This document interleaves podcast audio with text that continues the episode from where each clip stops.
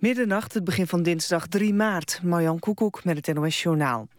Iran moet tien jaar lang zijn nucleaire activiteiten stilleggen... en internationaal toezicht daarop toestaan. Pas dan kan er volgens de Amerikaanse president Obama... sprake zijn van een historisch akkoord. In een interview met persbureau Reuters voegde hij eraan toe... dat de uitzichten op zo'n akkoord niet erg groot zijn... onder meer door fel verzet van Israël. Obama zei dat de VS en Israël het grondig oneens zijn over de vraag hoe moet worden voorkomen dat Iran kernwapens krijgt. Hij wees erop dat Iran zich de laatste twee jaar heeft gehouden aan afspraken die in 2013 in een interimakkoord over het nucleaire programma werden gemaakt. Een vertrek van Griekenland uit de eurozone zou het slechtste zijn dat het land kan overkomen. Dat heeft de Griekse minister van Financiën Varoufakis gezegd. Hij zei ook dat Athene zeker de schuld kan aflossen die deze maand moet worden betaald. Griekenland moet eind maart anderhalf miljard euro terugbetalen aan het Internationaal Monetair Fonds. Dat gaat lukken volgens Varoufakis en het land houdt dan ook nog geld over in de maand april. Waarnemers zeggen dat Athene het moeilijk krijgt tegen het eind van de maand omdat de inkomsten van de regering sterk teruglopen. Griekenland kreeg van de eurolanden vorige maand vier maanden extra om schulden terug te betalen. Waarnemers van de OVSE gaan in Oost-Oekraïne ter plekke controleren of er nog wordt gevochten. De leiders van Oekraïne, Rusland, Duitsland en Frankrijk hebben telefonisch besproken hoe dat precies moet gebeuren. Details daarover zijn niet bekend. Dat er waarnemers zouden komen was al afgesproken. Ze gaan elke dag rapporteren over de wapenstilstand. Een van de leiders van de OVSE-missie heeft al gezegd dat er minder wordt gevochten en dat de spanning in het gebied is afgenomen. Dan nog het weer. Vannacht in de kustprovincies nog een bui. Het koelt af naar 1 tot 4 graden, met mogelijk wat vorst aan de grond. Overdag eerst veel bewolking en vooral in het zuiden valt er wat regen. Later op de dag ook wat zon. Het blijft stevig waaien uit het westen en het wordt 6 à 7 graden. Dit was het NOS Journaal. NPO Radio 1. VPRO. Nooit meer slapen.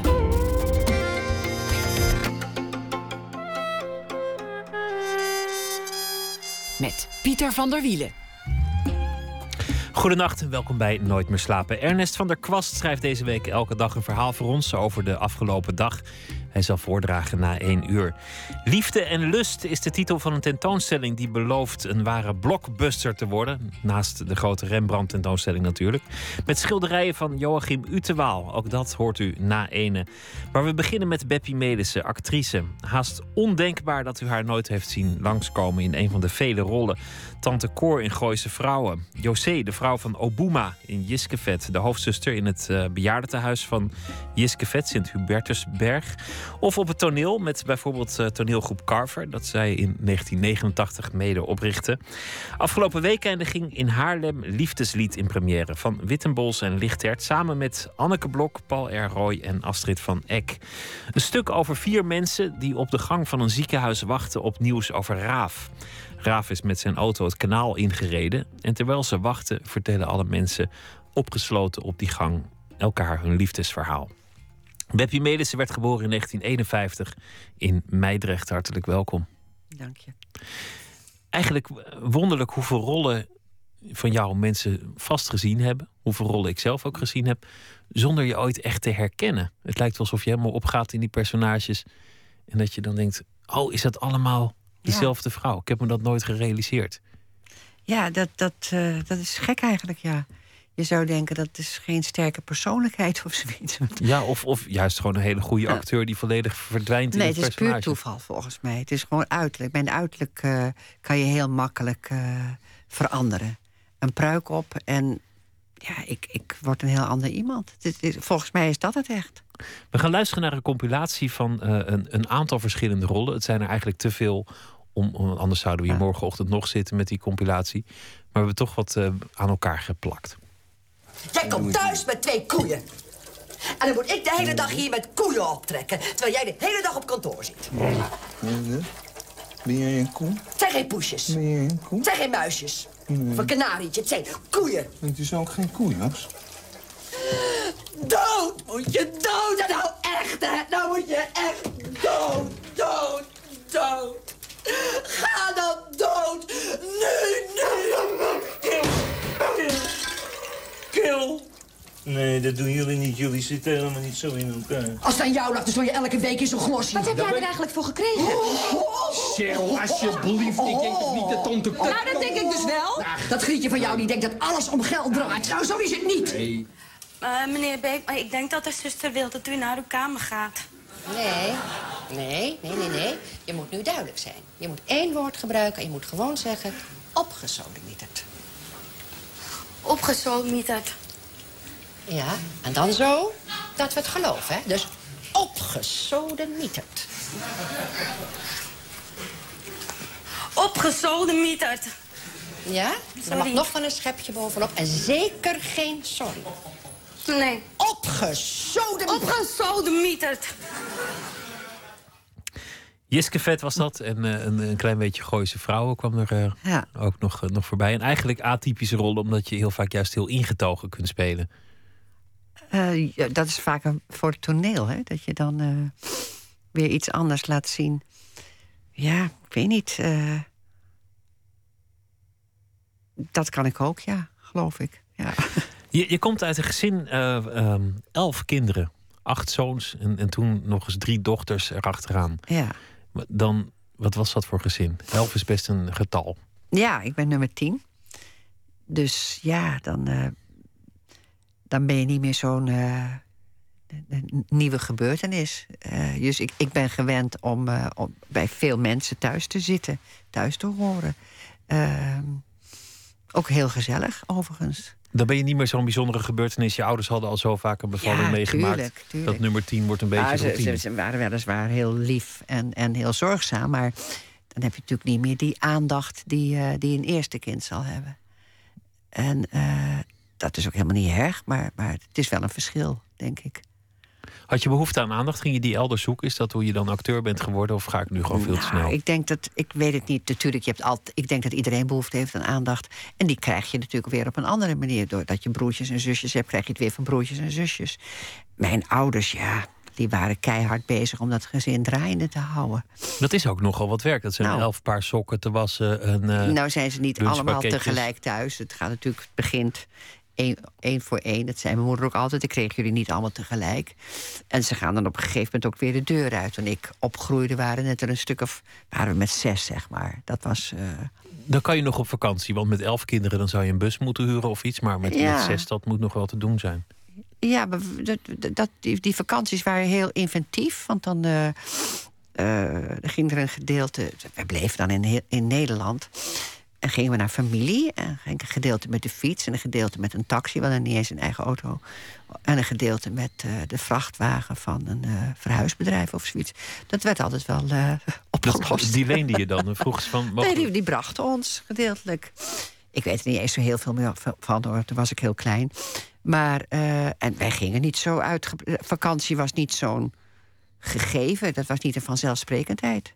In de jaren 50 sowieso niet. Hè? Dat was een veel minder reislustige ja, tijd Ja, ja. dan nu. ja, en mijn moeder zei altijd: Ja, wat zal ik met zoveel kinderen? Dan, dan moet ik. eh, het is meestal primitiever. Ik heb het al eh, moeilijk genoeg zo. En daar kan ik me ook wel iets bij voorstellen. Het was ook een gereformeerd eh, gezin. Ja. Dus, dus heel veel vakantie was er in die zin waarschijnlijk ook niet, niet bij. Was het heel streng gelovig thuis? Nee, helemaal niet. Nee, Nee. vind ik niet. Zeker niet toen ik opgroeide. Ze waren wel gelovig, en, maar, en we gingen ook wel naar de kerk. Maar die, dat is dan ook weer een voordeel van een groot gezin. Die, die oudste broers hadden natuurlijk al een heleboel eh, eh, eh, gedaan. wat officieel niet mocht. Veel bevrijdend werk verricht. Ja, ja, jawel hoor. Jawel. Die hadden wel al een hoop onzin weggekapt, zeg maar. Dus toen jij als tiende kwam, toen was het al niet meer zo streng als toen die eerste nee, geboren nee, werd. zeker niet. Zeker niet. Nee. nee, gelukkig niet. En zo streng waren ze niet. Nee, het was niet dat hele benauwde. Je gereformeerd, dat, dat associeer je meteen met iets heel engs. Dat is zeker ook het geval hoor. Maar je hebt zoveel variaties. eh, in, je hebt oud gereformeerd, je hebt, je hebt, hebt van alles vrijgemaakt. En ik, ja, wij waren gereformeerd, maar het was zeker niet heilig of zo bij ons thuis. Integendeel. Je kreeg niet altijd heel veel aandacht. Dat kan gewoon niet met zoveel kinderen. Maar werd je wel enorm gestimuleerd?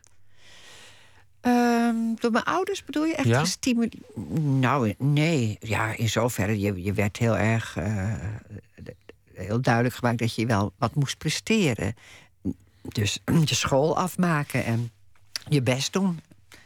Uh, opgevoed, doe je keurig door het leven stappen. Dat een beetje. Wel een vak leren.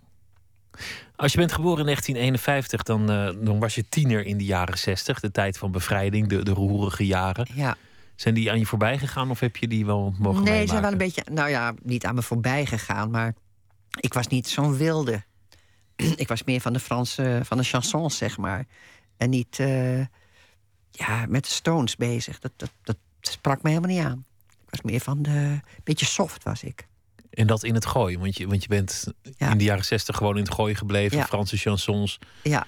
Kortom, het was niet, niet de tijd van wild experimenteren. Voor mij niet. Nee, nee, nee, nee. Is dat later wel gekomen? Nee, eigenlijk ook niet zo. Ook niet zo. Ik ben wel altijd heel erg van het lachen geweest. En eh, ik had een hele goede vriendin, Mieke, uit Hilversum ook. Dus wij tweeën trokken altijd met elkaar op. En, eh, maar niet echt ruig of zo. Ik ben nooit ruig geweest. Nee. Het zat niet in je karakter. Ik denk het niet, nee. Nooit, nee. met, nooit met drugs gerommeld? Nee, heb ik ook nooit gedaan. Maar oké. Nee. Niet dat dat noodzakelijk Nee, is, nee, maar, maar probeer een beeld te krijgen. Nee, precies. Nee, ik, ik, ik kon wel eh, de cola tix, weet je wel.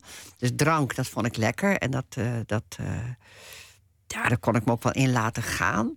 Maar, maar zoals dat dan, zoals pubers dat doen. Maar drugs heb ik eigenlijk nooit gedaan. Hoe kwam dat acteren op je pad? Een beetje toevallig eigenlijk. Ik, eh, ik hield altijd wel van een beetje ja, eh, dingen die als het maar afweek van het gewone patroon. Dus ik hield wel van, van, van ja, niet in het, binnen het, in het gareel lopen. En mijn, en ik dacht altijd, ik word lerares. En toen een broer van mij, mijn broer Sipko, die vertelde mij van de Academie voor Expressie door woord en gebaar in Utrecht. Daar, George Groot en Anke Groot, die waren vrienden van hem en die werkten daar, die gaven daar les. En hij vertelde dat dat een opleiding was, docent dramatische vorming, en dat dat misschien wel wat voor mij was. Hij Wat zag, een, mooie, wat een mooie titel voor een opleiding. Thea ja, Academie voor Expressie door woord en gebaar. Ja, ik krijg het bijna expressie bek door niet uit. Ja, maar het is een prachtige naam voor Ja. een opleiding. Eigenlijk wel, maar het, is ook, het, het, het klinkt ook nogal aanstellerig, vind ik. Maar goed, zo heette die school. En mijn broer Sipko zag wel wat in mij. Die, die zag altijd wel dat, eh, dat ik iets, ik zal maar zeggen, iets artistieks heb. En, eh, dus die zei, daar moet je naartoe. En daar, eh, ik, ik kan me alleen nog maar herinneren dat ik ook nog van hem hoorde... dat ze daar aan het staken waren op, met bakfietsen. En dat vooral trok me heel erg aan. Dus dat, dat beetje rommelige en zo. En daar ben ik naartoe gegaan. Heb ik, zat ik toevallig in een hele leuke klas. Een heel leuk jaar. En leerde ik daar toen Pieter Kramer kennen... eh, die nu bij het Rood Theater werkt... en altijd eh regie doet van eh, Theo en al die dingen... En eh Loes Luca, die zat dan weer een paar jaar onder mij. En dus Oh, toen oh, dat werd zijn maar zo'n- wel mensen die Ja. terecht zijn gekomen. Ja, en uh, daar, Marlies Heuyen, Cecile Heuyen, allemaal mensen die, die ik daar heb leren kennen. En dat zijn nog steeds vrienden. En eh, het was heel erg leuk. Wel, welk nummer was je broer? Die zei van eh, broer Sipke. Eh, dat is, even kijken, Melis Jan Berlin, ja, Sipko 6, nummer 6 is dat. Nu- nummer 6. Ja. Waarom luisterde je zo naar hem? Eh, hij was echt, ja, dat, dat, dat, dat was meteen een klik. Dat is, ja, hij was mijn favoriet.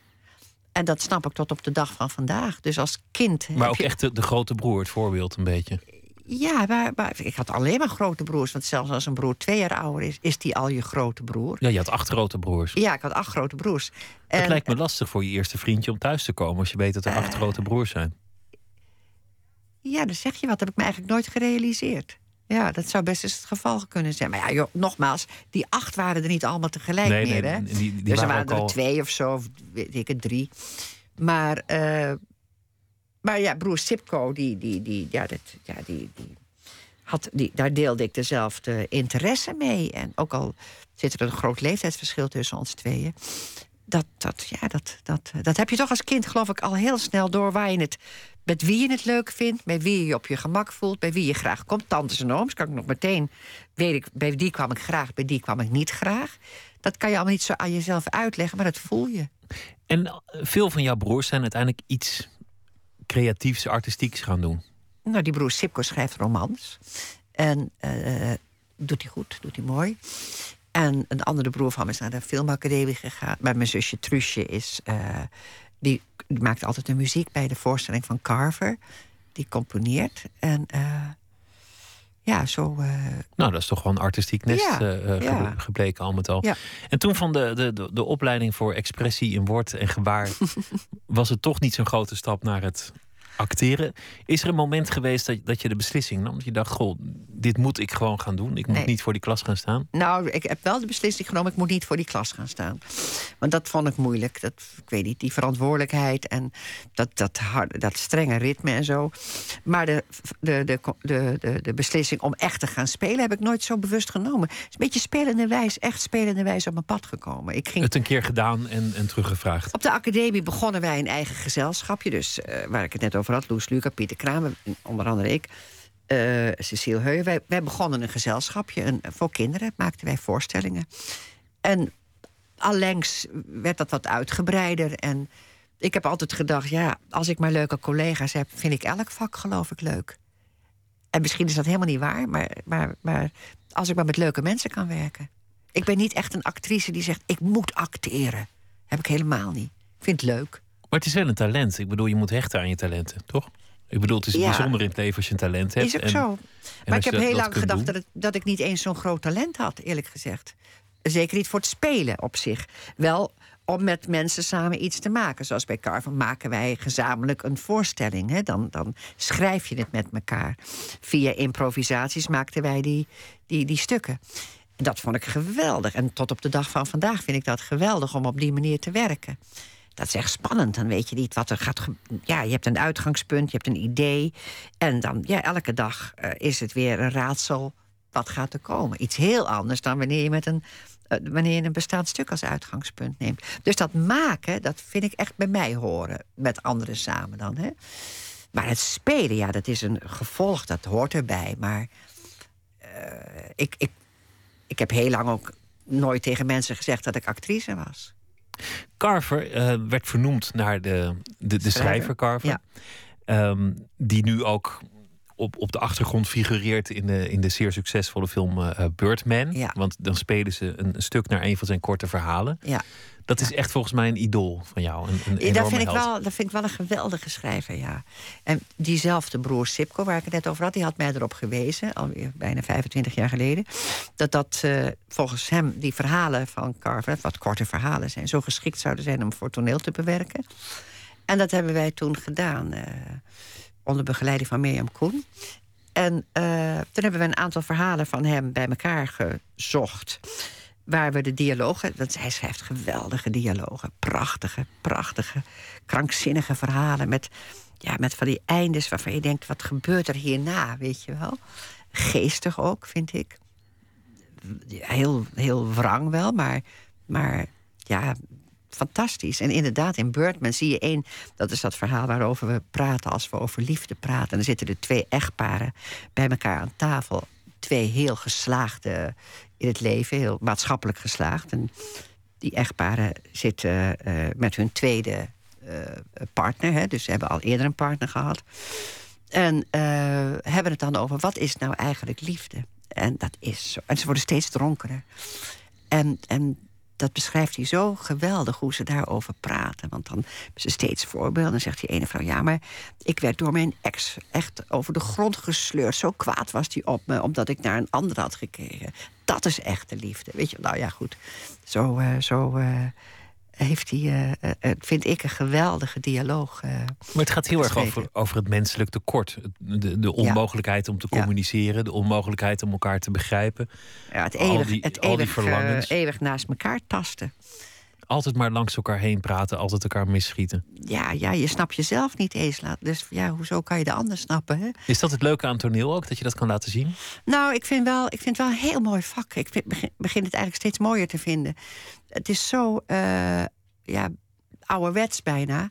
Het is levend. Je moet er echt naartoe. Eh, eh, mensen komen naar de zaal, die gaan echt zitten kijken. Dan, ja, dan, dan ga je eigenlijk iets heel ouderwets doen. Zoals, eh, En iets ik- heel organisch, want elke avond is toch anders. Ja. Het publiek heeft ook zijn sfeer. Die, Ja, absoluut. Je moet wachten Ja. tot ze uitgelachen zijn. Of, of soms gaan ze ineens halverwege klappen. Heel gek, maar het gebeurt. Ja, maar het is, het is wel het is eigenlijk een geweldige afspraak die je met elkaar maakt. Wij doen een toneelstuk, wij hebben dat voorbereid. Wij vertellen een verhaal en jullie mogen kijken. En wat ik ja, wat ik er gewoon. Zeker, ja, eh, als ik zelf in een zaal zit en ik krijg iets te zien wat mij raakt en ontroert, dan vind ik het eigenlijk een van de mooiste dingen om mee te maken. Zo levend daarbij aanwezig mogen zijn.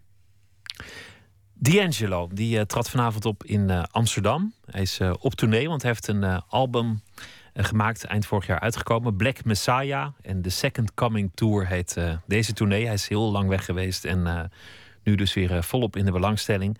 We luisteren naar het nummer Untitled How Does It Feel?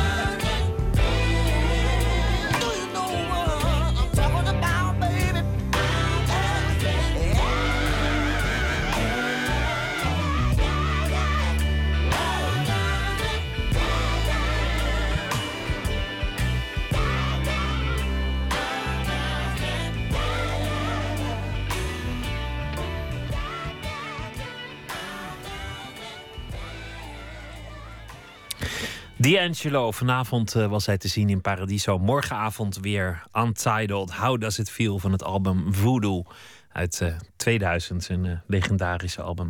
Beppie Melissen zit tegenover mij in Nooit meer slapen.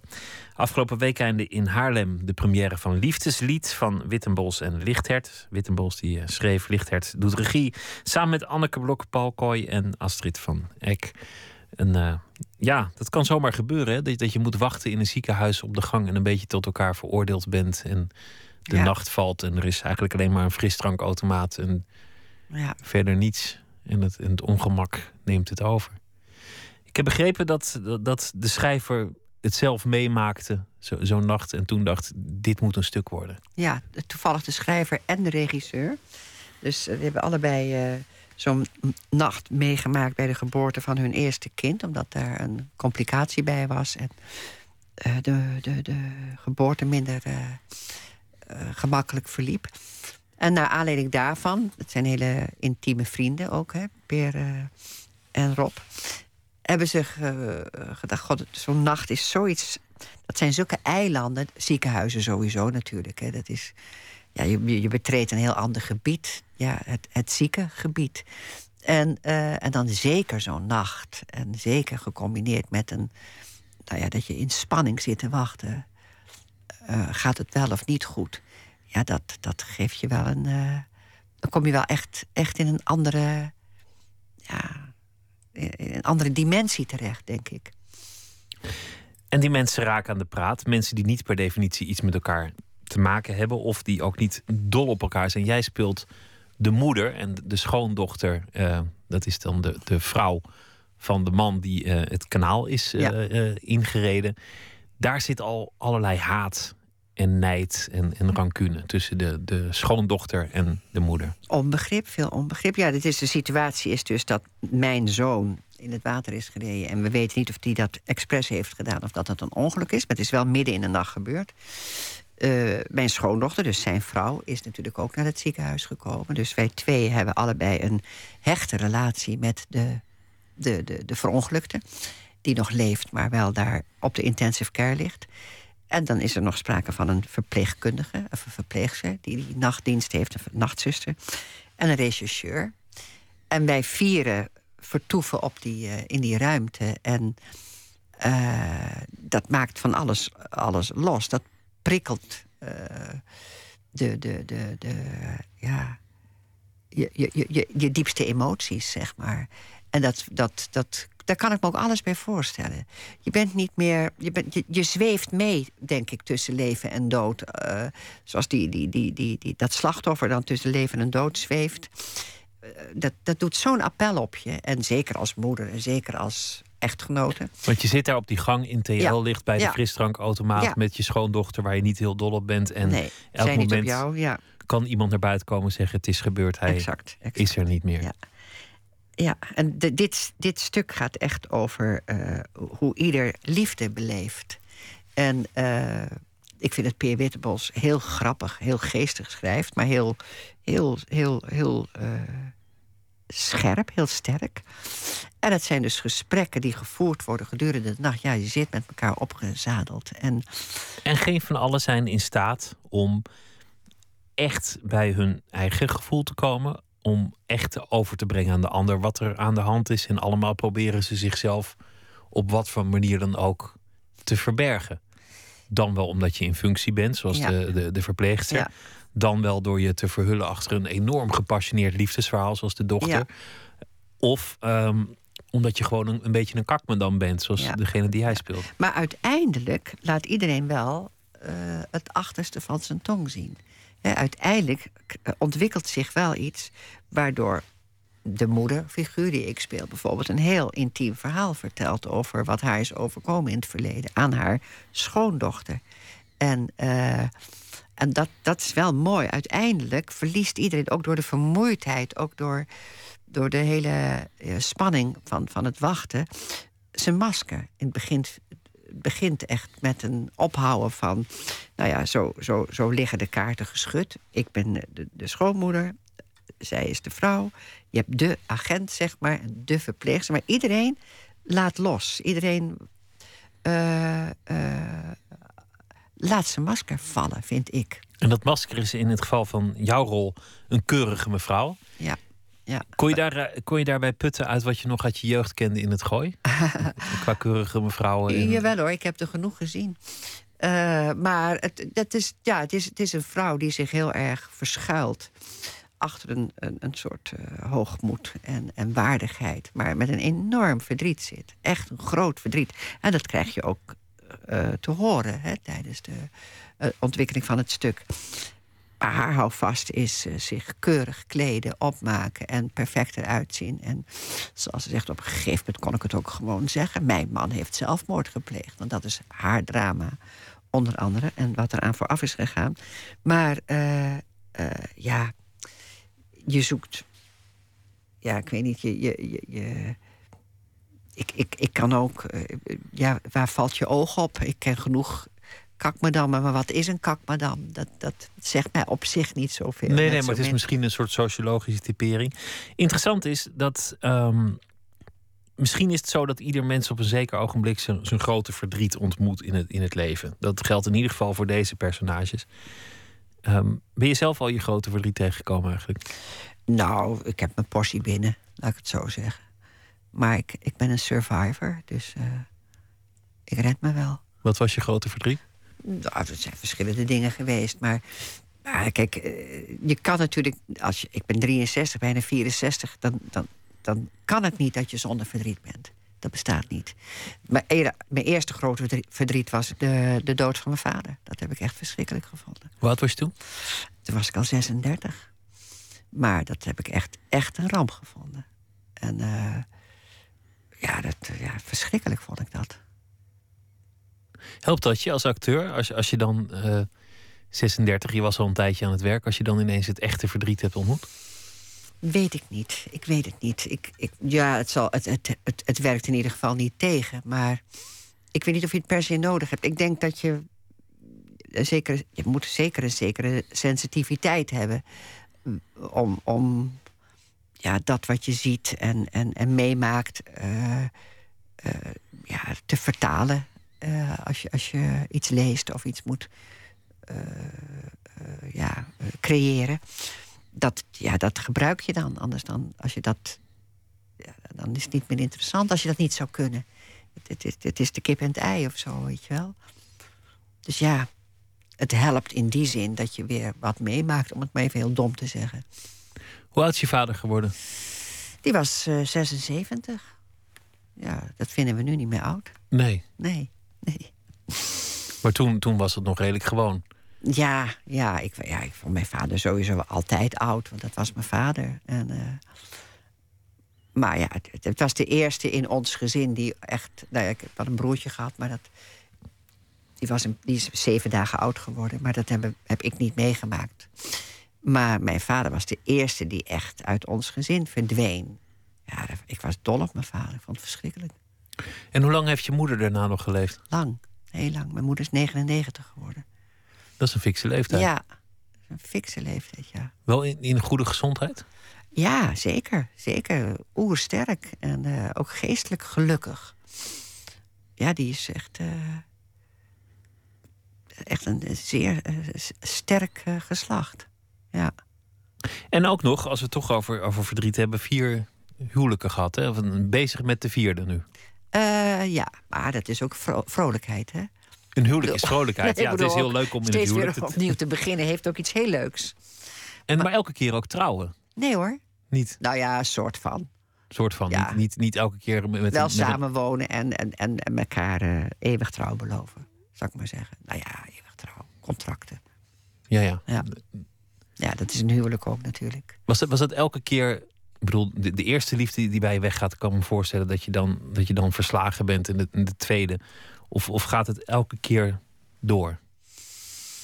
Hoe bedoel je? Het gaat elke keer door. Nou ja, als het strand, is het verdriet dan even groot? Of is het op een gegeven moment een pad dat je wel kent? Nee, dat bestaat niet, hè. Je kent geen enkel pad. Eh, kijk, als je heel erg eh, eh, verdrietig bent geweest... en je begint weer gelukkig te worden... Dan, dan weet je dat nog wel, maar dat is een heel andere belevenis... dan wanneer je er middenin staat. Je herinnert je het al natuurlijk nog wel. En je herkent het bij anderen of je herkent het in een boek. Maar er is een wereld van verschil of je er middenin staat of dat je alweer verder bent gegaan. Ja, eh, het, is, het, is, het gaat gepaard met, met natuurlijk een heleboel eh, emoties als je met je relatie stopt. Ja, zo is dat. Maar ik denk. Nou ja, volgens, denk... volgens Damesblad de FIFA is het de, de norm is, geloof ik, de helft van de duur van de relatie duurt het verdriet als het Oh ja? voorbij is. Oh, Ja, ik weet niet waar Nou, ze dat weet, vandaan halen. wie- Ik weet het ook niet. Ik weet niet hoe ze dat testen. ik weet het ook heel niet. Een benieuwd hoe ze dat- proefpanel? Ik, weet- ik weet het Ik niet. weet het ook niet. Ik, ik, ik, ik, ja, daar heb ik helemaal niks mee, als ik heel eerlijk ben. Met dat soort uitspraken. Eh, ook niet met. Je zult wel heel wat meegemaakt hebben als je veel eh, eh, van partner bent geweest. Dat ik denk dat er huwelijken zijn waarbinnen het gruwelijk is. En eh, die misschien wel 30 jaar stand houden. Ja, Maar je bent wel elke keer ehm, op een zeker punt vol goede moed weer begonnen. En ja, ik zou ook niet weten waarom niet. Kijk, het feit dat iemand 30 jaar bij iemand blijft, zegt mij niks over liefde. Zegt me alleen maar dat iemand 30 jaar bij iemand is gebleven. En het feit dat iemand na 10 jaar bij iemand weggaat, zegt me ook niks over liefde of geen liefde. Het zegt me alleen maar dat je uit elkaar bent gegaan. En eh, daar zul je redenen voor hebben gehad. Ik vind dat ik een heel erg leuk leven heb. Maar je bent, bent op geen, geen moment beschadigd geraakt. Dus niet, er zijn geen zere Nee, plekken ontstaan. Volgens mij, eerlijk gezegd, klinkt dat gek misschien, maar volgens mij niet. Dan ben je, eigenlijk ben je totaal niet cynisch. Helemaal niet. Nee, Helemaal niet zelfs. Nee. Echt niet, helemaal niet. Dat is ik best vind een dat ik hele, toch? hele leuke mannen heb gehad. Tot op de dag van vandaag. En eh, ik verwijt ook echt niemand iets. Echt niet. En eh, het, kijk, zodra je in, in, net in die hele eh, scheiding die vers is ligt... maar dat geldt ook voor ruzies met vrienden of vriendinnen... ja, dan, dan, dan vind je natuurlijk van alles en nog wat. Maar als het stof is neergedaald... ja, moet je het gewoon... eh, dan is het zo duidelijk dat, dat, dat er veel bij jou ligt... en veel bij de ander ligt. En Maar je staat het ook heel vrolijk in, is. vrolijk in het leven, totaal niet cynisch. Maar, maar in, je, in je werk ben je altijd enorm gefascineerd, juist door de tragiek, door het onvermogen, door alles Ja, wat niet dat- lukt.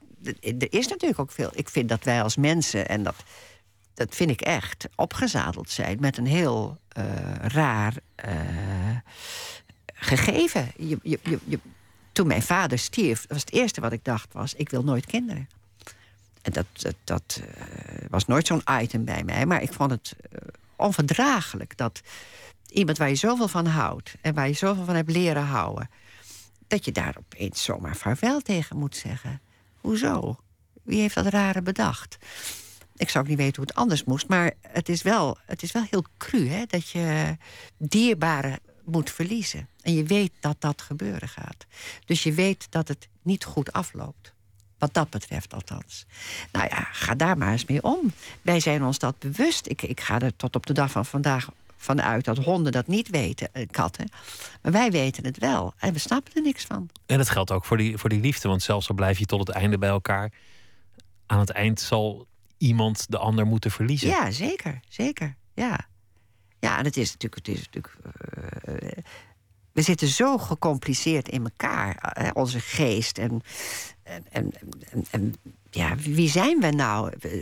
Er zijn ook genoeg mensen die zeggen: we zijn er niet eens. Het is, het is allemaal al verleden en achter de rug. En die, die- ik, ja, ik, ik vind het. eh, ik kan daar echt niet elk, elke seconde van de dag mee bezig zijn. Maar ik ben me altijd heel erg bewust geweest van, van de eindigheid van ons bestaan. Maar die eindigheid is één ding. Een ander ding is het, het niet echt kunnen communiceren, niet echt tot elkaar kunnen komen, het niet echt kunnen bereiken wat je, wat je zou willen bereiken, omdat je steeds dezelfde fout maakt. Allemaal thema's die je op een zeker ogenblik in je theater hebt, hebt willen onderzoeken. Ja, ook hoe je overkomt. Hè. Je denkt soms dat je, heel, eh, eh, dat je iets heel goed hebt uitgelegd aan iemand. En dan blijkt later dat die ander dat helemaal anders heeft opgepakt. Dat, is, dat vind ik ook echt om wanhopig van te worden bij tijd en wijle. Ik denk, ja, maar zo heb ik het helemaal niet bedoeld. Of ik wilde juist dit of ik wilde juist dat. En dat krijg je in ons vak natuurlijk ook heel erg terug. Hè? Als ik iets moet spelen en iemand zegt tegen mij... ja, maar Beb, dat doe je veel te slijmerig. Ik, ik zeg maar wat. Dan denk ik, hè, slijmerig? Ik dacht dat ik heel lief was. Of dat doe je veel te kattig. Hè? Wat? Ik dacht dat ik heel... Nou ja, enzovoort. Je krijgt terug hoe je overkomt. Dus je moet jezelf steeds bijsturen. Of eh, ja, eh, eh, ja je, je bewust worden van hoe je blijkbaar eh, hoe je instrument is. Want dat is ook zo. Je hebt je lijf, je hebt je ogen, je mond, je stem. Dat is je instrument. Daar ben je mee opgezadeld. Er zijn genoeg mensen die heel lief overkomen. En onze lieve Heer hoort ze brommen. Maar het is toevallig hun instrument. Kijk je dan ook de hele dag naar mensen? Is, is dat deel van, jou, van jouw talent om mensen te observeren? Nou, ik, ik doe dat dan heel onbewust. Ik, eh, soms ook wel dat je heel nadrukkelijk... Ik zie wel altijd dingen waar ik eh, mijn oog opvalt of zo. Hè, hoe mensen eruit zien. Of, of, maar dat gaat niet zo bewust. Dat is een soort tweede natuur, denk ik. Maar er zit ook een soort vrolijkheid in het menselijk tekort. Het is ook iets waar je je blij over maakt. Ja, nee, maar zeker. Ik, ik, eh, kijk, perfectie bestaat niet. En dat, dat is ook niet zo interessant, denk ik. Maar ja, ik, humor is, is, is, is uh, mijn, mijn deur naar bevrijding. En uh, ook als, als anderen mij aan het lachen maken, dat, dat is echt dat is een, werkelijk een deur die opengegooid wordt en frisse wind komt binnen. Ik zou niet, dat, dat is mijn zuurstof, echt. Toch wil je het ook tegenhouden in je voorstelling. Je wil ook niet dat het zomaar een lach wordt die wordt gevolgd op een volgende lach en nog een lach. Dan hm. moet er altijd ook iets gebeuren waardoor die lach weer wordt uitgesteld. Want... Nou ja, in zoverre dat. Kijk, uh, dat heb ik wel vaker gezegd. Je hebt natuurlijk, wat ik altijd zeg is. Eh, je hebt een warme en een koude lach ja, de, de, de, de, warme lach noem ik nou maar de empathische lach. Dat je jezelf erbij betrekt. En dat je niet zegt: Oh, wat moet ik hard lachen om die of die, want daar heb ik gelukkig niks mee te maken. Hè? Dat is het een beetje in de buurt, komt dat van uitlachen. Daar heb ik helemaal niks mee. Maar. Uh, ik, ik, snap ook al die filmpjes niet die je dan bij de Wereldrijd doorziet. En dan valt iemand opeens op zijn bek of weet ik het wat. Iedereen ligt dubbel. Heb ik nooit begrepen. Begrijp ik niks. Ik snap helemaal niet wat daar geestig aan is. Ja, eens een keertje heb je wel eens dat je moet lachen om zoiets misschien. Maar nee, vind ik niks aan. De warme lach, wat is dat dan? Dat is de empathische. Dat je echt dat je het omarmt. Dat je jezelf in iets herkent. Dat je denkt dat dat had mij ook kunnen gebeuren. Had mij ook kunnen gebeuren. En uh, uh, ik, wil, ik bedoel het helemaal niet uh, gereformeerd hoor. Van oh, je moet altijd denken, dat gaat mij ook gebeuren. Dat bedoel ik niet. Maar het is, het is meer. Anders vind ik het gewoon niet geestig. Het moet raken aan het universele. Het moet, het, moet, raken aan jezelf. Dat je echt dat je denkt van, oh, nou ja, uh, zoals ik vroeger om, om Toon Hermans me, me, helemaal gek heb gelachen. Freek de Jonge, uh, uh, Kees van Koten. Allemaal figuren waar ik, hè, als ik het even bij, bij Nederland hou, vreselijk om kon lachen. Omdat je gewoon zag dat ze hun eigen wanhoop lieten zien. En dat, dat desperate, dat je weet van ja ik doe, ik doe mijn best, maar ik struikel zelf voortdurend over van alles. Hè? Uh, letterlijk of figuurlijk. En dat vind ik heerlijk om te zien. Dat, uh, ja, dat, dat, dat, dat, dat herkennen van die, die wanhoopstand die ons leven is, dat, dat, uh, ja, dat, dat, dat vind ik verrukkelijk. Pearl Jam. Dat was uh, ooit een, uh, een band, nou, ze bestaan nog steeds, maar een van de boegbeelden van de grunge-beweging in de jaren 90. Eind jaren 80 uh, eh, kwamen ze ineens aanwaaien vanuit Seattle in de Verenigde Staten. Uit 2009 draaien we een relatief rustig nummer voor hun doen, Just Breathe.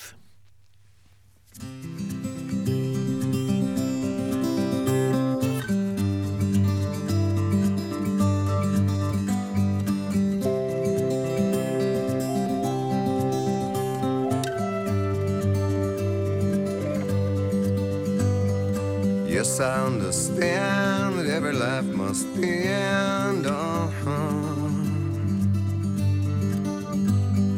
As we sit alone, I know someday we must go on. Oh, I'm a lucky man to count on both hands the ones I love. Some folks just have one, cause they got none.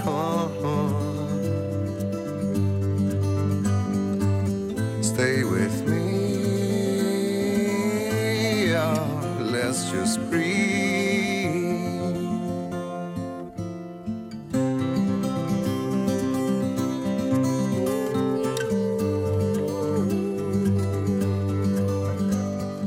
Practice on my sins, never gonna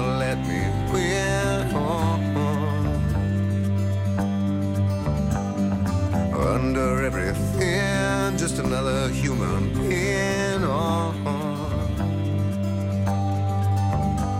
Yeah, I don't wanna hurt. There's so much in this world to make me bleed. Stay with me, oh, all I see. Did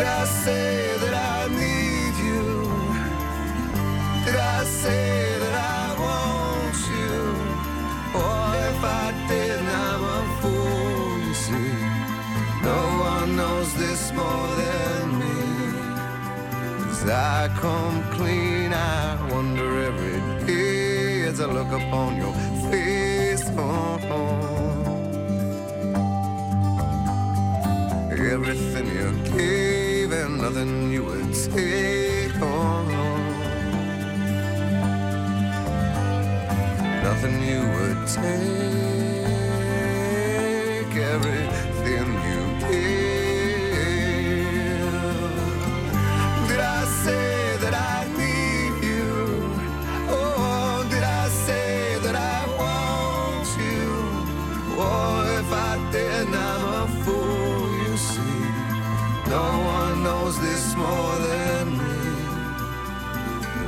Come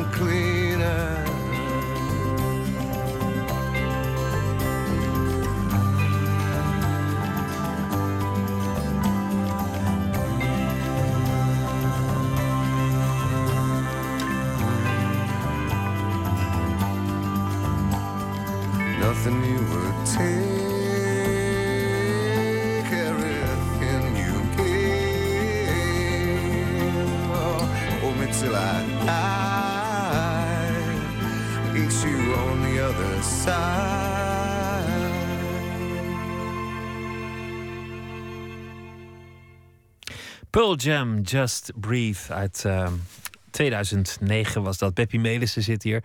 Nooit meer slapen. eh, naar aanleiding van eh, Liefdeslied. De, de voorstelling die afgelopen weekend in première ging. We begonnen met het eh, grote gezin. Daar hebben we het over gehad. Eerst hadden we het even over de verschillende rol die je speelde. En dat, dat je vaak helemaal verloren gaat in, in die rol. Waardoor mensen je niet altijd herkennen.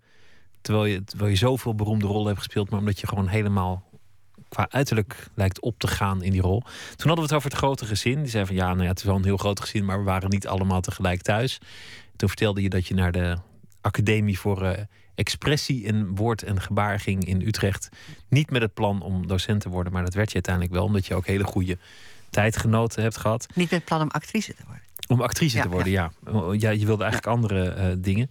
En zo kwamen we eh, geleidelijk aan te spreken over ehm, wat acteren is. En waar, waar jij, je zei toen, terloops, van ja, als ik, dat acteren was voor mij eigenlijk niet het belangrijkste. Het was Nee. meer het theater maken. Ja. Kan je je voorstellen dat er een moment komt dat je niet meer acteert? Inmiddels steeds, vind, lijkt me dat steeds raarder. Maar eh, omdat ik het eh, eigenlijk, eigenlijk ook een, eh, steeds leuker ga vinden om te spelen. Dus wat ik, ik heb het nooit vervelend gevonden, maar ik vond het meer, ja, het hoorde erbij. Je wilde theater maken en dan moet je zelf ja, ook spelen. Dan moet je ook gaan spelen. ja. En ik, ik, ik kon dat kon ik niet loskoppelen. Dat wilde ik ook niet loskoppelen. Maar ik, nu, nu het stuk liefdeslied, ik vond het heel erg spannend om zo heel strak een, een stuk van een ander eh, te, te- Dat heb ik wel eens vaker gedaan. Maar nu was het nog duidelijker echt. eh, een stuk wat ik bij mezelf vind passen. Ik vind het echt een, eh, een schrijver, Peer Wittebos, die, die ik graag eerder had willen leren kennen. Ik wist, ik, ken hem al, zijn werk al heel lang, maar persoonlijk had willen leren kennen.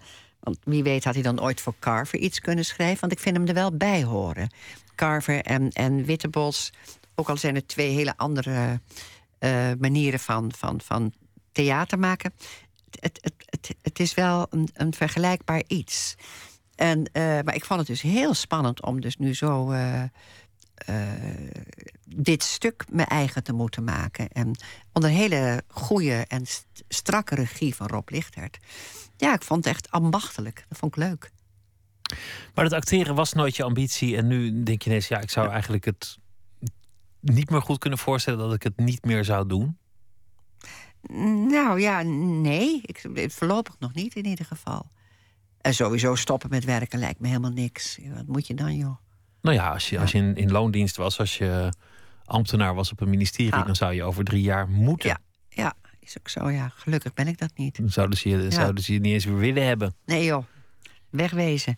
Maar eh, ja, het is nu ook niet eenvoudig hoor. Ik bedoel, ik, ik heb het niet moeilijk, maar in zijn algemeenheid is natuurlijk de theaterwereld wel erg uitgedund.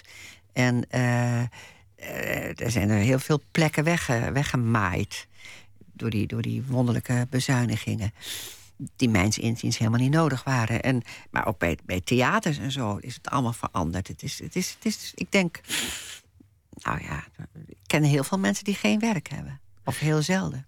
Ik ken ook heel veel mensen die, die in, in, wat voor sector ook op een gegeven moment niet meer willen. Omdat Ja. er te veel veranderd is, omdat er een andere generatie aan het bewind is Ja. gekomen, omdat ze de gloriejaren nog zeggen te hebben meegemaakt. Of omdat ze het gewoon wel weten inmiddels. Misschien niet eens het acteren zelf, maar misschien het circus eromheen, het er naartoe reizen, het s'nachts thuiskomen, het slechte eten onderweg. Ja, snap ik ook. Snap ik echt ook. Maar ik voel me helemaal niet. Ik, ik, ik hoef het gelukkig niet. eh, ik heb het niet per se nodig. Ik heb een goed bestaan en ik kan me redden. En, eh, ik, heb, ik heb een man. Ik, het, is, het, is, het is niet een must, zou ik maar zo zeggen. Ik kan me ook voorstellen dat je het echt puur uit noodzaak moet doen. Gewoon om geld te verdienen. En natuurlijk, eh, ik, ik, ik, ik ben niet rijk of zo. Ik bedoel, daar gaat het helemaal niet om. Maar ik voel me vrij, laat ik het zo zeggen. Als ik niet zou werken, denk ik, nou ja, dan werk ik niet en dan red ik me ook. Begrijp je? Ik, ik, dus ik doe het echt uit. Er is geen enkele dwang. er is en geen dat- echte dwang. dat maakt in het die elke zin. dag dat maakt keuze. het echt anders, denk ik. En daardoor hoef ik ook geen dingen aan te nemen waar ik, waarvan ik denk, hé, Gert, daar heb ik geen zin in. In de liefde ben je niet cynisch geworden, wat best een prestatie is. ja, Nou hoor, dat is prestatie. Want het, is heus niet altijd leuk geweest. Het is net alsof ik het heel gemakkelijk allemaal heb gedaan. Zo is het natuurlijk ook niet. Nee, nee, zo'n relatie genoeg. Maar, stroomt eh, ook niet voor niks natuurlijk. Ik bedoel, dat is, dat is waarschijnlijk... We gaan er niet helemaal in purren, maar dat is waarschijnlijk ook een vat vol bedrog, ellende, teleurstelling. van alles en eh, en alles, natuurlijk.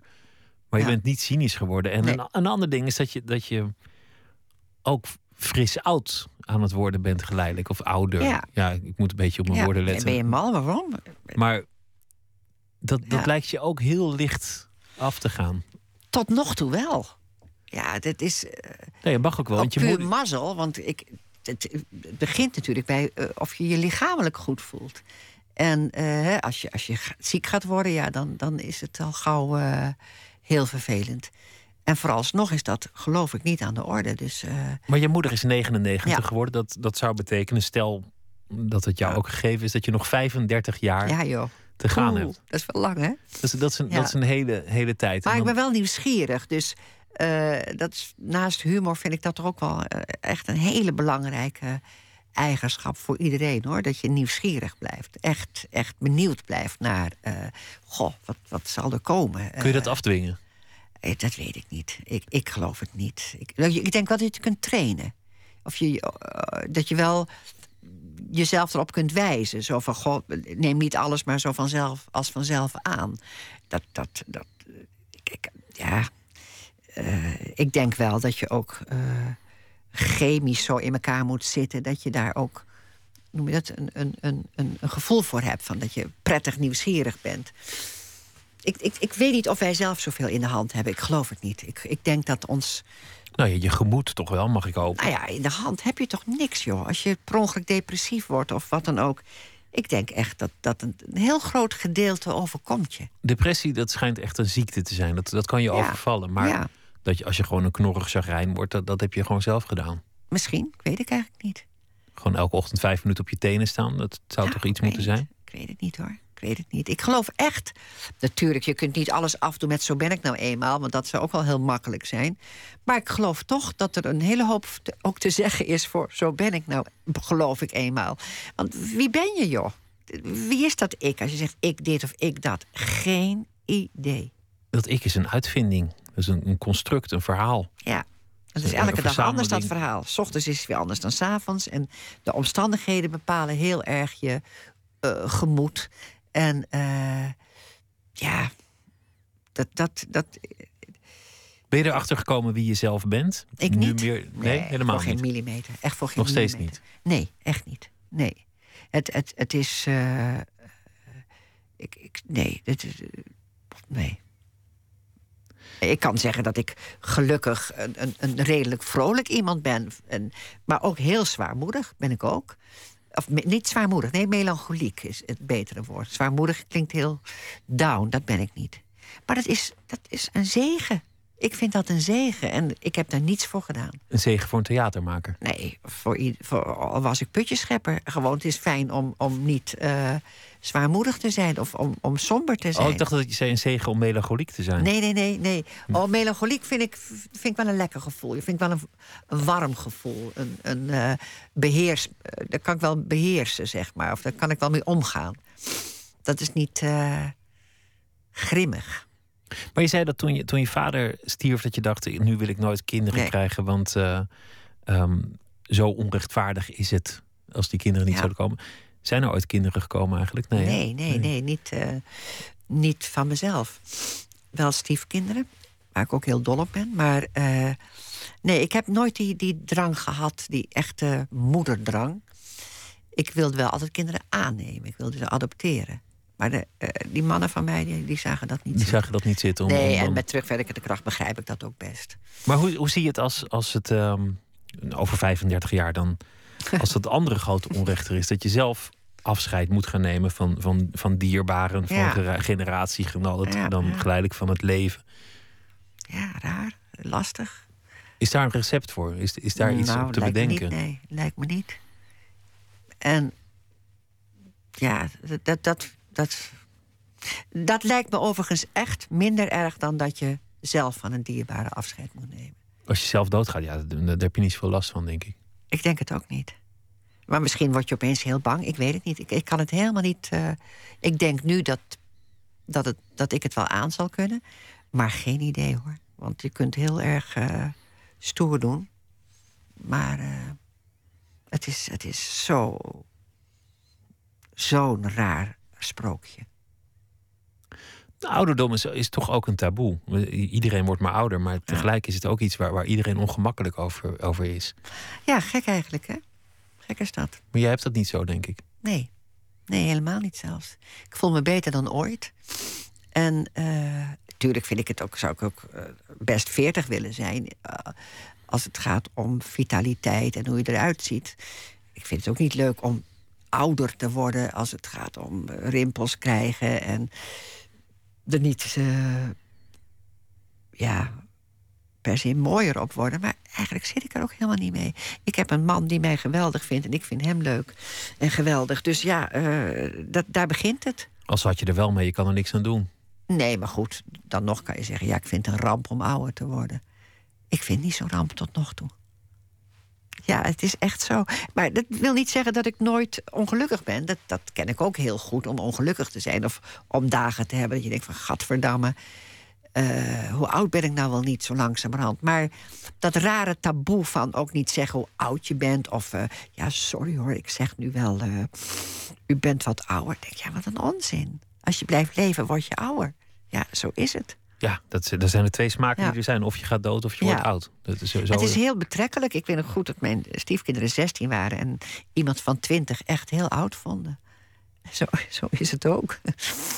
Liefdeslied heet eh, de voorstelling. Afgelopen weekend in première gegaan in Haarlem. En ehm, nou, op tal van plekken nog te zien. Jullie gaan echt eh, flink ermee rondreizen nog. Ja, ja. Dus eh, ik wens je heel veel plezier. Ja, ik heb er ook wel zin in. ehm, Ja. En heel veel succes. Dankjewel, Beppie Melissen. Jij bedankt. Zometeen gaan we verder in eh, eh, Nooit meer slapen. eh, onder andere met een, een verhaal bij de afgelopen dag. Dat krijgt u van Ernest van der Kwast. We gaan het hebben over Joachim Utewaal, een schilder. Liefde en lust is de titel van een tentoonstelling van zijn werk... die een grote hit schijnt aan, het, aan het worden te zijn. En we gaan het ook hebben over eh, Karel Visser, de beeldhouwer... die afgelopen Ah, ja. weekend Ja. overleed. Een van de grootste, maar tegelijk ook altijd onbekend gebleven in zijn vakgebied. Zeer ten onrechte hoort u zo meteen eh, uit de mond van eh, mensen die het kunnen weten. Kunstenaar Jan Dibbets bijvoorbeeld. Twitter, het VPRO NMS of via de mail nooit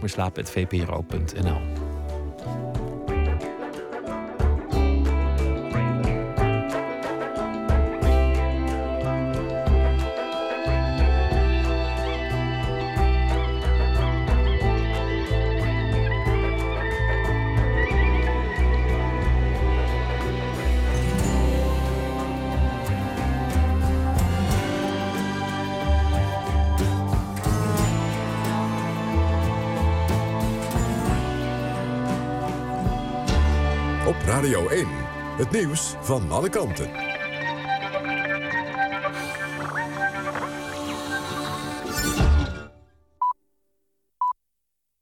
1 uur, Marjan Koekoek met het NOS-journaal. De wekelijkse bijeenkomst van Pegida-aanhangers in Dresden is gisteravond uit de hand gelopen. Zo'n 100 mensen vielen een protestkamp aan van vluchtelingen en tegenstanders van Pegida. Het kamp werd dit weekend in het centrum van de stad opgericht. De Pegida-aanhangers riepen dat het kamp ontruimd moet worden en probeerden er binnen te dringen. Ook werd geroepen dat buitenlanders het land uit moeten. Er volgden gevechten en politie te paard haalde beide groepen uit elkaar. Pegida demonstreert tegen wat het noemt de islamisering van West-Europa. Iran moet tien jaar lang zijn nucleaire activiteiten stilleggen en internationaal toezicht daarop toestaan. Pas dan kan er volgens de Amerikaanse president Obama sprake zijn van een historisch akkoord. In een interview met persbureau Reuters voegde hij eraan toe dat de uitzichten op zo'n akkoord niet erg groot zijn, onder meer door fel verzet van Israël. Obama zei dat de VS en Israël het grondig oneens zijn over de vraag hoe moet worden voorkomen dat Iran kernwapens krijgt. Hij wees erop dat Iran zich de laatste twee jaar heeft gehouden aan afspraken die in 2013 in een interimakkoord over het nucleaire programma werden gemaakt. De uitspraak van minister Kamp dat het kabinet niet genoeg oog heeft gehad voor de veiligheid bij de gaswinning in Groningen leidt tot verdeelde reacties. De Groninger Bodembeweging zegt moeite te hebben om te geloven dat de veiligheid nu wel bovenaan staat. Op Twitter hebben sommige Groningers het over een schijnvertoning en een zoethoudertje. GroenLinks vindt dat Kamp wel wat royaler had mogen zijn in zijn reactie. Leden van de regeringspartijen reageren juist positiever. De politie heeft in Maastricht de eigenaar en drie medewerkers van een growshop opgepakt. Het zijn de eerste aanhoudingen op basis van de nieuwe opiumwet die gisteren inging. De wet stelt het voorbereiden van hennepteelt strafbaar. In growshops wordt apparatuur verkocht die daarvoor gebruikt kan worden. Ook in Noord-Brabant deed de politie invallen.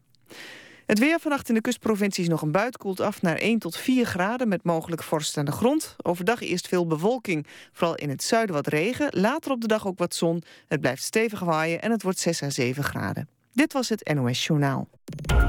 NPO Radio 1. VPRO.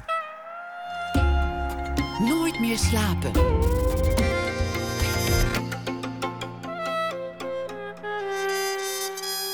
Met Pieter van der Wielen. U luistert naar Nooit meer slapen. Ernest van der Kwast is eh, schrijver en hij eh, brak door in 2010 met eh, de zeer succesvolle roman Mama Tandori. Begin dit jaar verscheen zijn nieuwe boek De IJsmakers. En deze week zal hij elke dag voor ons een verhaal maken over de afgelopen dag. En dat even na ene voordragen. En dat is nu. Goedenacht Ernest van der Kwast. Goedenacht, hallo. Hoi. Vertel eens, wat was het voor dag? Eh, het was een, ehm, een drukke dag eigenlijk wel. Veel heen en weer reizen. Eh, en, en ik ben in Den Haag geweest bij de lancering van het Centrum van de Ambachtseconomie. Dat klinkt als een fantastische bijeenkomst. Wat is het? Eh, ja, er waren allemaal uh, ambachtslieden waren daar bijeengebracht. En ik ben er ook naartoe gegaan als schrijver. Is dat Ik ook een, daar- ja, is ook een soort ambacht, toch? Ja, ja, ik mocht dan eigenlijk ik, niet over mijn eigen ambacht vertellen, maar meer over het ambacht van de ijsmaker, waar ik heel veel research naar heb gedaan voor, voor mijn boek. eh. Dat is ook een echt ambacht. Hè? Voor de mensen die denken dat is een machine waar je op een knopje drukt. IJsmaker is een traditioneel ambacht dat je je hele leven kunt perfectioneren. Ijsmakers, eh, die, die, het, het, is, heel hard werken, dat sowieso. En het is heel, eh, eh, ook veel met de hand eigenlijk. Dus vroeger komt de techniek er helemaal niet bij kijken. En toen, zei, er was een ijsmaker zat in het publiek zei, ja, ik stuur wel e-mailtjes. Dat was de enige, enige computertechniek die erbij kwam kijken, zei die vrouw. De ambachtseconomie, dus het moet terug. Het ambacht is waarschijnlijk de gedachte. weg van de managers, terug naar de vaardigheden. Wat wordt je verhaal eigenlijk? Gaat het ook daarover?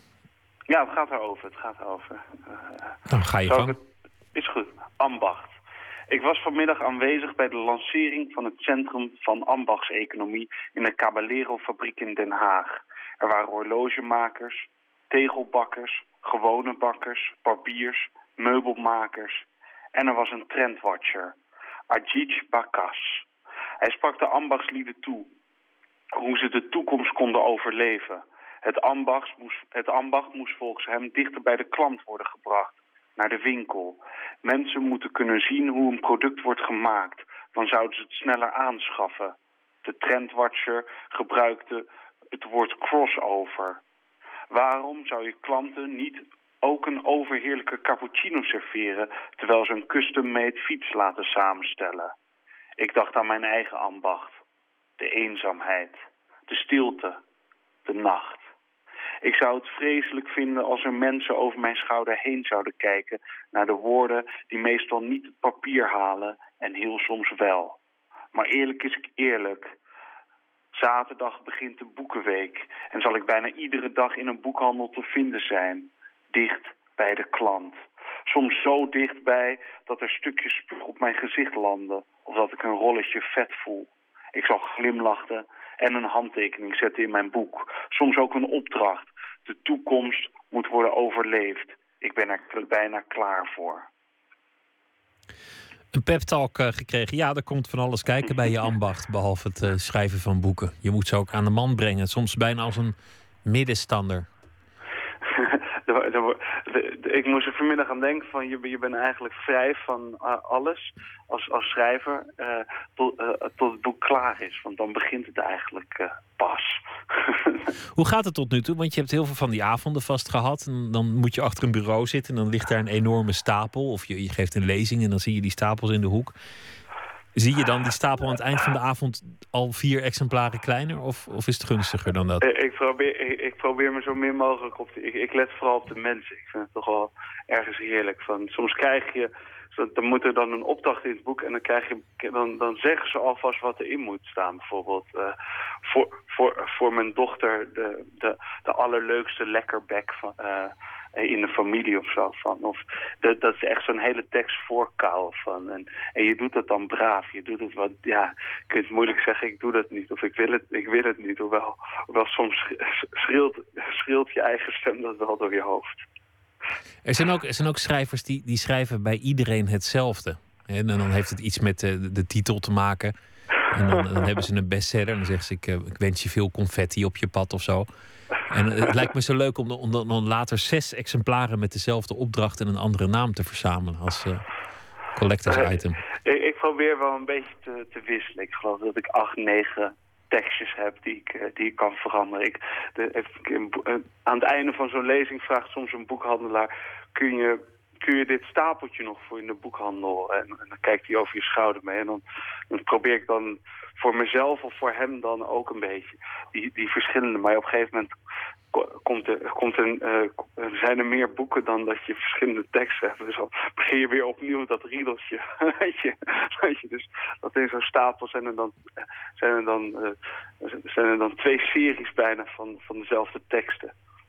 Abdelkader Manali vertelde vorige week dat hij gevraagd werd alle boeken van Kader Abdollah te signeren. Dat vond ik ook een leuke anekdote.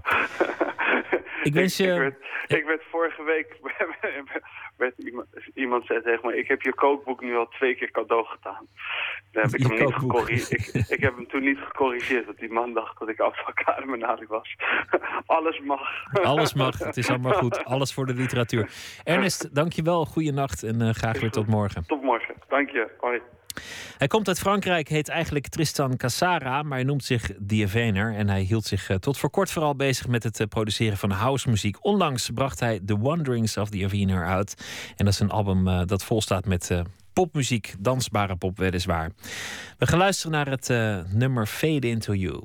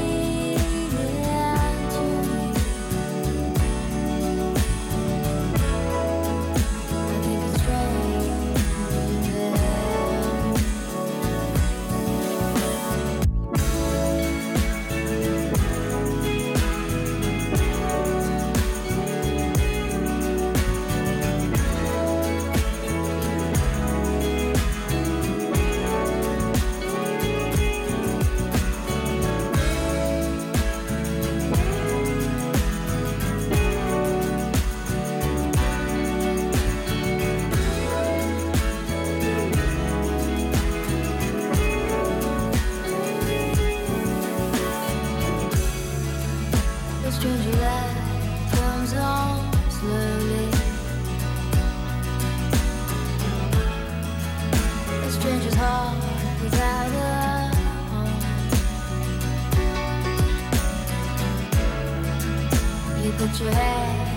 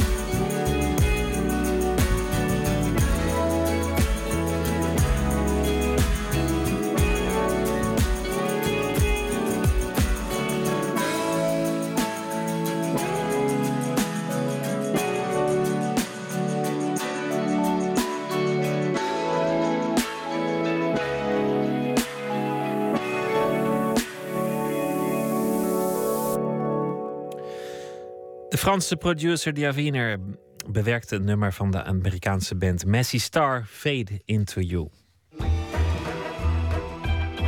Nooit meer slapen. Het belooft nu al een eh, blockbuster te worden in de wereld van de beeldende kunst. Vijf sterren al van NRC Handelsblad. En dat naast die andere succesvolle tentoonstelling van de late Rembrandt. Liefde en lust, schilderijen en tekeningen van de vroeg 17e eeuwse schilder Joachim Utewaal. De tentoonstelling is later dit jaar in eh, Washington en Houston te zien, maar nu eerst in Utrecht in het Centraal Museum. Verslaggever Gijsbert van der Wal bekeek vier van de tentoongestelde schilderijen samen met conservator Lisbeth Helmus. W-T-E-W-A-E-L. Lisbeth Helmers spelt de achternaam van Joachim Utewaal. En nog een keer voor wie even niet opletten. W-T-E-W-A-E-L. Utewaal met een W aan het begin dus. Omdat in de 17e eeuw de W werd geschreven als een VV en de VV is UU. Daarom spreken we ook uit Utewaal. Utewaal was een Utrechtse schilder die leefde van 1566 tot 1638. En Lisbeth Helmers is een van de samenstellers van de eerste monografische tentoonstelling van Utewaals werk.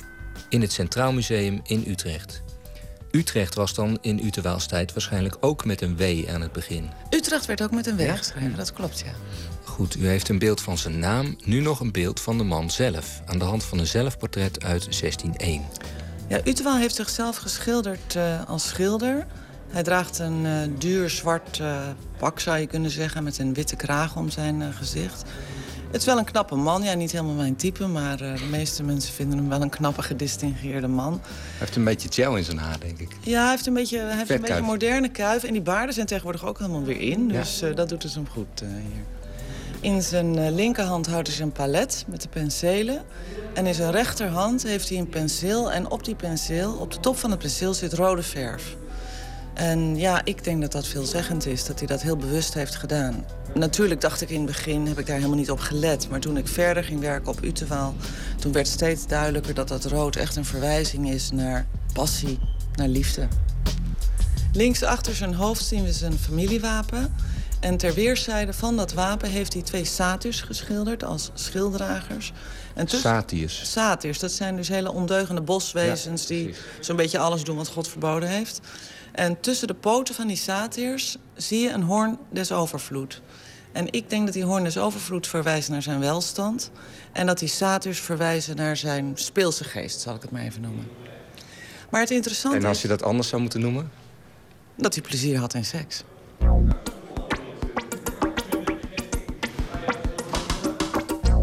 Naast het zelfportret hangt het portret dat hij van zijn vrouw heeft geschilderd. En ook zij is heel chic en mooi gekleed. Maar rechtsonder zie je net nog even de rode voering van haar rok tevoorschijn komen. Ook hier is natuurlijk een familiewapen afgebeeld. Maar dit familiewapen wordt geflankeerd door een naakte man en een naakte vrouw. die een hoorn des overvloed schrijlings over de benen hebben liggen. En ik denk dat een schilder die dit doet, die doet dit niet zomaar. Ik denk dat die naakte man en die naakte vrouw verwijzen naar hemzelf en zijn vrouw.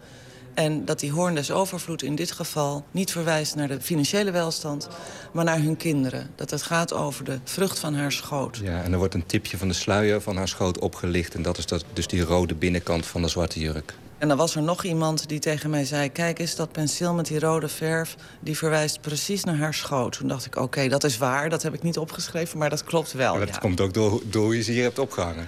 ja, maar dit hoort zo. Het Ja, zijn ja, pendantportretten, dus ze moeten... Hij zo- hoort links. ja. Hij hoort links. Dat dus is... zijn, zijn penseel met het rode puntje wijst de lijst uit... en dan daarnaast hangt het rode accentje in het portret van zijn vrouw. Dat is mooi, dat, dat verbindt die twee ook. Hè? Dat verbindt die twee. En ik vind dat heel knap gedaan. Het is echt En heel een- subtiel. Het is heel subtiel, maar dat is ook het interessante van die schilderijen van Uterwaal.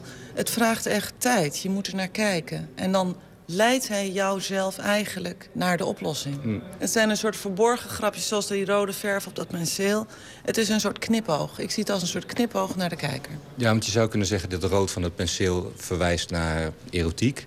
Maar het is misschien ook nog zelfs een beetje schilderkunstig grapje van... kijk, dat rood van het, op het penseel in het ene schilderij... daar heb ik dat rood op het andere schilderij mee geschilderd. Ja, zo is het, ja.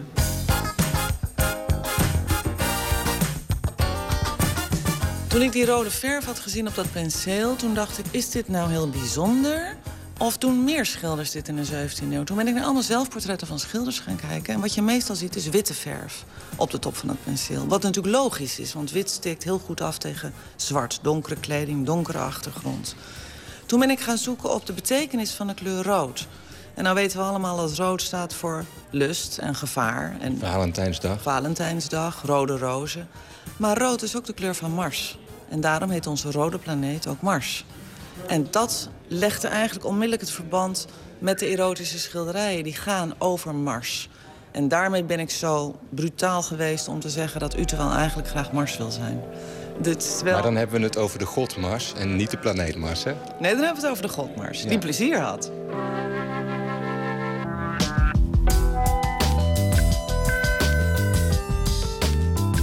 Toen ik bezig was met schrijven voor de catalogus... ik heb daar zo ongelooflijk veel plezier in gehad. Ik denk dat ik nog nooit zoveel plezier heb gehad als kunsthistorica... om iets op te schrijven. Omdat het een leidde tot het ander. Het was een rond verhaal. En ik heb dat nog nooit zo sterk gevoeld. Dus je ziet voortdurend verbanden. Ja, misschien heeft meneer Uterwaal mij wel de meest leuke periode van mijn hele kunsthistorische loopbaan eh, gegeven. eh, door die schilderijen te maken. En door mij die, aan, weet je, die aanwijzingen aan te reiken. Dat was echt een feest. En het fijne was ook dat het klopte. Rood was de kleur van Hij is Mars. consequent. Hij is consequent. Rood was de kleur van Mars. Hij schildert Mars en Venus. En waarom Mars en Venus en niet Jupiter of, of Apollo? Omdat ze seks hebben in een bed. Omdat ze elkaar graag willen. Uterwaal maakte voor zover bekend vier schilderijtjes met Mars en Venus. In bed en omringd door andere figuren. Ik zeg schilderijtjes omdat het werken zijn van ongeveer 20 bij 15 centimeter. Als je ze op een reproductie ziet, denk je dat ze veel groter zijn. Zo volgestouwd met figuren zijn ze. En zo precies geschilderd in olieverf op koperplaatjes. In Utrecht hangen nu twee van die vier Mars en Venus schilderijen. Een versie uit het Mauritshuis in Den Haag en een versie uit het Getty Museum in Los Angeles. Lisbeth Helmes beschrijft wat we zien. Nou, Venus was getrouwd, dus ze pleegt hier overspel. Venus was getrouwd met Vulcanus. En wat eh, Homerus en Ovidius beschrijven is dat Vulcanus er op een gegeven moment achter komt dat zijn vrouw vreemd gaat. Dan smeet hij een ragfijn net en dat hangt hij op aan het echtelijk bed. Want Venus had gewoon seks met Dus niet haar het, minnaar. oh, het echtelijk bed, ja. Het Hun bed, maar bed. daar lag een ander in. Er lag een ander in. Mm. Ehm, Vulcanus die bindt dat net aan dat bed. En als Venus en eh, Mars daarna opnieuw seks hebben, valt het net over hen heen. En zo gevangen in hun daad worden zij eh, te kijk gezet voor de andere goden. Dus wat wij zien is nu al die goden eromheen... Ja. die lachen om de scène. En Vulcanus staat hier rechts voor met het net in zijn handen. En wat ik zo aardig vind is dat wij kijkers, wij toeschouwers... eigenlijk met de goden die kijken, voyeurs zijn geworden. Ja, Van een heel intiem moment. ja, wij kijken mee. Wij kijken mee. Ik heb me natuurlijk afgevraagd waarom u terwijl Mars en Venus schildert... en niet seksscènes met de andere goden. Hij heeft wel één keer ook Jupiter geschilderd. Uh, maar Jupiter is een god, de oppergod, die heel veel achter vrouwen aanzit. Dus aardse vrouwen, hemelse vrouwen. Maar het probleem van Jupiter is dat hij altijd in de gedaante van iemand anders moet komen... om zijn zin te krijgen. Dus hij komt als zwaan, hij komt als gouden regen, hij komt als een oude vrouw. Dus Jupiter krijgt uiteindelijk wel wat hij wil... maar alleen maar als hij als een ander komt. En dan heb je natuurlijk Apollo, onze mooie, schone jongeling. Maar Apollo heeft altijd pech. Ik bedoel, als hij Daphne wil hebben, verandert ze in een laurierboom. Ja, want zij wil hem niet. Nou, misschien wil ze hem stiekem wel, maar in elk geval kan het niet. En wat je natuurlijk hebt met Mars en Venus... is dat dit twee goden zijn die allebei graag met elkaar gaan. Dus die hebben, van harte. Die hebben plezier. Dus dat, dat geeft de mogelijkheid voor u wel om een scène te schilderen... van twee seksende mensen. Maar hij doet nog iets anders wat interessant is. De voorwerpen in de kamer, zelfs het harnas van Mars, zijn allemaal eigentijds. Dus als je als man zo'n schilderijtje in, je, in eigendom had... Dat wil zeggen eigentijds in de, uh, uit de tijd van. Uterwel, uit, ja, zijn allemaal uit de tijd van Uterwel. Dus als je als man zo'n schilderijtje in eigendom had... en je keek daarnaar, ik denk dat dat vergelijkbaar is met hoe dat nu gaat... en je wilde je identificeren met Mars, die daar zoveel plezier heeft op dat bed dan is dat nog makkelijker geworden omdat de voorwerpen eigen tijd zijn. Het zou bij wijze van spreken je eigen bed kunnen zijn. Dus het is een fantasie waar je als uh, kijker heel makkelijk in kunt stappen? Ja. Het is gewoon porno? Het is eigenlijk gewoon pornografie. Ja. Maar dan heel goed geschilderd? En heel realistisch geschilderd. Ja, hij zal er wel in zitten, maar je ziet niks. Nou, ik weet niet hoe realistisch je het precies wilt hebben... maar het, het lijkt me wel duidelijk wat hier aan de gang is. Maar dat is natuurlijk dat is een beetje het lastige om werkelijk... je moet je werkelijk realiseren hoe bijzonder dit was. Zo'n schilderijtje, dat zat in een uh, particulier eigendom. Dat zat dus bij een meneer thuis. Die had dat in de la, die had dat verborgen. En als jij dus als vriend zin had om naar het plaatje te kijken... dan moest je naar, moest je naar hem toe gaan en moest je vragen... gewoon laat hem nog eens even zien. Want dit is maar een unicum. Ik bedoel, we hebben geen fotografie, we hebben geen telefoons, we hebben niets. We hebben geen kopieerapparaten. Wat dat betreft zijn wij nu natuurlijk helemaal verzadigd door beelden van seks... Hè, die overal zijn. Dat klopt, ja. ja. Toen was het echt nog iets bijzonders. Toen was het heel erg bijzonder. En het interessante is ook, er zijn twee tekeningen van deze schilderij... en daar is ook precies dat stukje van die onderlichamen van die twee goden uitgesneden. Dus dat zegt ook iets over uh, ja, dat dat in die tijd echt schokkend was.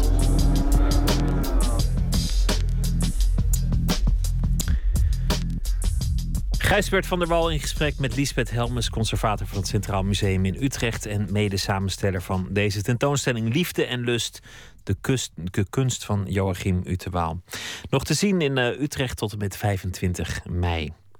Ethel Waters, geboren in 1896, was actrice en zangeres, gospel, blues, jazz. Ze deed het allemaal. Ze zong op Broadway en in de legendarische Cotton Club in New York.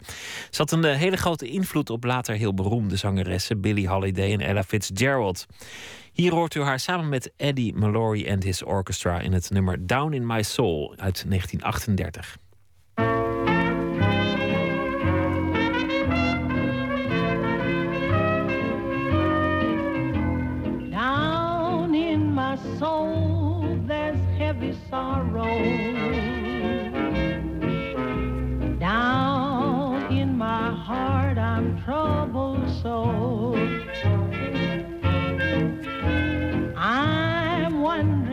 What will be tomorrow. Nobody but my Lord will know. Just like a bubble, my happiness soon is a busting. Nothing that's good ever comes to me just for a day. And I'm so in trouble, and life has done got so disgusting that if I could, I'd lay down and sleep right on away. Down in my soul there's heavy sorrow. Down in my heart I'm troubled so. Gypsy, fortune telling gypsy. Let me tell my woes to you.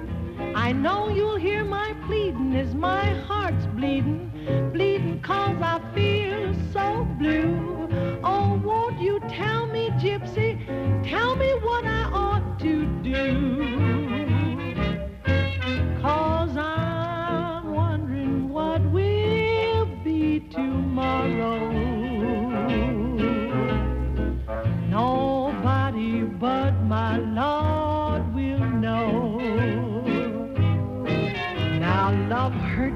Dagger every time it turns on you. Yes, that's what love will do. Love hurts like a dagger, pierces through and through when it pierces you.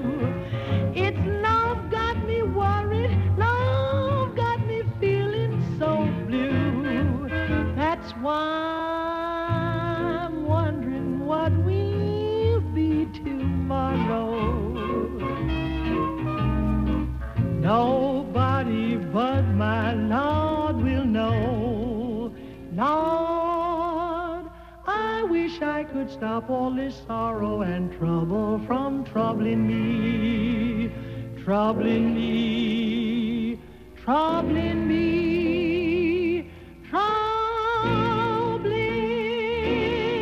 me. 1938, Ethel Waters. Ze is eh, gestorven in 1977.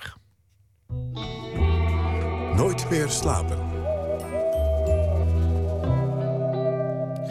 In zijn woonplaats Le Fousseret in Zuid-Frankrijk is gisternacht beeldhouwer Karel Visser overleden, 86 jaar oud geworden. Hij maakte bijna 60 jaar beelden, reliefs, tekeningen, collages en houtsneden. Werkte met eh, alle mogelijke materialen, staal, glas, maar zelfs ook eieren en veren. Anton de Goede is onze nachtcorrespondent. Goedenacht, eh, Anton. Dag Pieter. Vertel, wie, wie was Karel Visser? Wie was Karel Visser? Ja, eh, soms wordt er wel gezegd dat je als je heel oud wordt, dan word je vanzelf wel vergeten. Ehm, en misschien dat dat bij Karel Visser ook een beetje het geval is. Vorige week had ik niet geweten dat hij überhaupt nog leefde. Want je associeert hem heel erg met vroeger.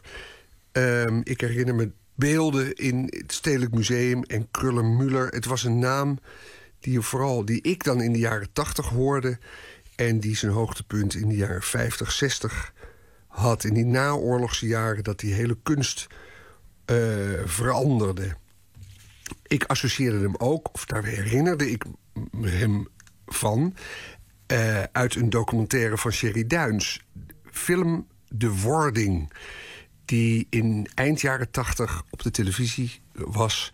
Waarin je eh, Karel Visser ziet, een man, dan ook al zo in de zestig, die allerlei materiaal verzamelt om een beeld te maken. Oude autobanden, voorruiten, die haalt hij op een sloperij.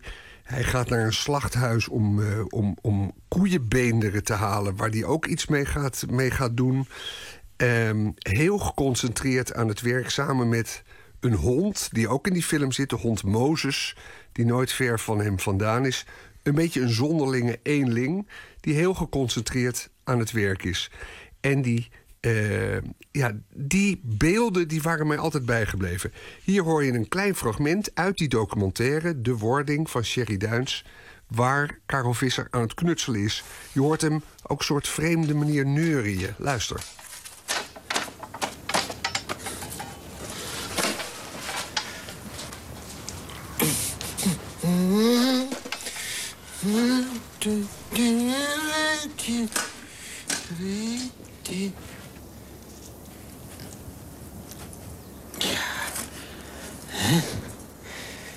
Zou het wat worden, Mozes? Hé? Een fragment uit de documentaire De Wording. Karel Visser als een van de hoofdpersonages in die documentaire. Ja, en je hoort hem hier een beetje aan metalen palen sjorren. En uh, nou, met die banden in de weer. En tegen die hond praten. Zou het wat worden, Mozes? Um, ik ging eerder vandaag naar een andere grote Nederlandse kunstenaar, Jan Dibbets, die in Amsterdam woont. Die is ook niet meer zo piepjong, hij is uit 1941. En hij heeft jarenlang met Karel Visser opgetrokken, omdat zij samen doseerden op de Haarlemse kunstopleiding Ateliers 63. En dat was een hele uh, bekende, goede, roemruchte opleiding... waar heel weinig kunstenaars maar op zaten. En die werden begeleid door Jan Dibbets en onder andere Karel Visser. Marlene Dumas komt daar onder andere vandaan. Ik vroeg Jan Dibbets wat hij dacht toen hij gisteren hoorde dat zijn vriend Karel was overleden. Nou, het vreemde is wat het eerste wat bij me opkwam. Shit. We hebben dus de tentoonstelling die er al lang had moeten zijn van Karel Visser eh, niet gemaakt. En ik vind Karel Visser eh, zonder enige twijfel de grootste beeldhouwer eh, die Nederland in de 20e eeuw gehad heeft. Volledig onderschat. En ook eh, nooit eh, echt op zijn historische waarde eh, getest. En heeft eigenlijk ook daarvoor niet het krediet gekregen dat hij had moeten hebben. Ook internationaal niet. Hij is echt ook een voorloper van de minimal art. Hij heeft overal altijd aan de voorkant gezeten. Altijd geëxperimenteerd. En ik geloof niet dat hij daar de waardering voor gehad heeft die hij had moeten krijgen. Nee, ehm, al dus Jan Dibbets, waarmee we eigenlijk nog niet verteld hebben... wat Karel Vissers grote verdienste nou eigenlijk was. Dus ik vroeg Jan Dibbets ons misschien uit te leggen... hoe zo'n beeld eruit zag en wat het werk van Karel Visser zo sterk maakt. Opnieuw Jan Dibbets. Alle beelden uit de 50 en 60er jaren zijn allemaal goed. Dat is niet te geloven. Daarom is hij zo bijzonder. Ik zou niet eens een beeld weten. Ik kan ze allemaal gaan beschrijven. Dus de, er komt geen eind aan. En het is de, als je erin gaat verdiepen en je ziet ze in de context van wat er in die tijd gemaakt is, dan kan je ook begrijpen hoe bijzonder het is en uh, hoe sterk het is. En uh, het, eigenlijk moet je het uh, afzetten. Hij is een, in zekere zin een opvolger van Brancusi. Absoluut geen navolger, maar is de na de, de, na de oorlog Brancusi. In armer materiaal, maar veel uh, meer op, uh, op, op kracht gericht. Op, uh, Brancusi is in zekere zin chic. Karel Visser is rauw en hard. En, en eigenlijk ook in, in zekere zin is buitengewoon precies tegelijkertijd heeft het scheid aan alles. Dat is zoiets merkwaardigs. Ja, Jan Dibbets is, is heel erg vol lof, vindt hem heel belangrijk. Maar zegt eigenlijk ook van ja, hier in Nederland heeft hij niet die erkenning gekregen. Uh, het is eigenlijk een beetje slecht geland. Het, het had veel meer uh, waardering en roem moeten oogsten. Het werk van Karel ja. Visser. Ja, ja, ja, Jan Dibbet zei vanmiddag inderdaad... Nederland heeft weinig tot niets gedaan voor Karel Visser. Uh, Jan Dibbet zelf is misschien wel de meest beroemde... Uh, levende Nederlandse kunstenaar nu in het buitenland. Die heeft een grote naam internationaal. Karel Visser heeft dat niet gehad. Maar ik vroeg aan Jan Dibbets van ja, Nederland heeft niets voor hem gedaan. Hoe zie je dat dan? Uh, blijkt dat Jan Dibbets vindt dat bijvoorbeeld de legendarische Stedelijk Museumdirecteur Willem Sandberg in de jaren vlak na de oorlog veel meer voor Karel Visser had kunnen betekenen. Luister naar Dibbets. Wat, wat heeft uh, Sandberg voor Karel Visser gedaan? Hij heeft zich het vuur uit de sloffen gelopen voor Karel Appel. En dat was alleen maar omdat Sandberg ook zo graag een Pollock wilde creëren in Europa. En uh, dat had hij net zo goed beter niet kunnen doen. Uh, hij had ook zijn energie in Karel Visser kunnen steken. Nee. Ja, en dat, en dat vertrek van Karel Visser naar Zuid-Frankrijk, waar, waar hij ook gestorven is, had het daar iets mee te maken? Ja, dat is wel de overtuiging van Jan Dibbets. Hij zegt dat het erop lijkt dat die emigratie naar Zuid-Frankrijk ooit, een jaar of twintig geleden, toch wel iets te maken heeft gehad met het gebrek aan de echte erkenning van zijn grote talent. Luister wat Jan Dibbets daarover zegt. Ik denk dat hij ook wel teleurgesteld vertrokken is. Mm-hmm. Ja, dat, dat weet ik eigenlijk wel zeker, ja. Hadden jullie nog veel contact de laatste jaren? Nou, hij heeft zich nooit meer laten zien. Hij is vertrokken uit Nederland. Nooit meer. Nooit meer Karel. Nooit meer gezien. Nie niemand heeft hem ooit meer gezien. Hij heeft de twee zonen daar wonen. En hij is zelf vertrokken. Hij is nooit meer teruggekomen. Hij schreef niet. Hij liet niet van zich horen. En nee. Nederland trok zich ook niets van hem aan. Nee. Nee, hij is gewoon... Eigenlijk al, al twintig jaar geleden begraven, bij wijze van spreken. Ja. Moet daar nog iets aan veranderen? Want, want nu is hij overleden en blijkt het toch ineens een. eh ik bedoel, Jan Dibbets is niet de minste. Die zegt ja, toch heel belangrijk werk. En de belangrijkste eh, Nederlandse beeldhouwer van de 20e eeuw. De- de- de- het is nog niet te laat. Ik bedoel, er zou nog een tentoonstelling kunnen komen. Of, of een andere manier van herwaardering. Ja, er is nu een galerie Borzo die eh, heeft aangekondigd in mei met een tentoonstelling te komen. En dat is een tentoonstelling die op dit moment ook in Londen te zien is, in de Major Gallery. Eh, die heet Karel Visser Counterbalance. Maar ik, dus ik zei tegen Jan Dibberts van ja, ze gaan nog wel iets doen en er komt in mei iets. Maar dat hoonde die weg en hij zegt nee, dat zou iets groots moeten zijn. Het Stedelijk Museum in samenwerking met Krullenmuller, gezamenlijk grote overzichtstentoonstelling. Dat is Karel Visser waard. En die zou er alsnog moeten komen. Nou ja, ik help hem hopen dat dat, eh, dat, dat dan gebeurt. Dankjewel, Anton de Goede. Chad Faker eh, noemt hij zich. Een beetje flauwe artiestennaam, maar eh, vooruit. Vorig jaar debuteerde hij met een eh, prachtig album Built on Glass. En deze zomer zal hij op vele grote festivals staan. Torhout Werchter onder meer. We gaan luisteren naar Talk is Cheap.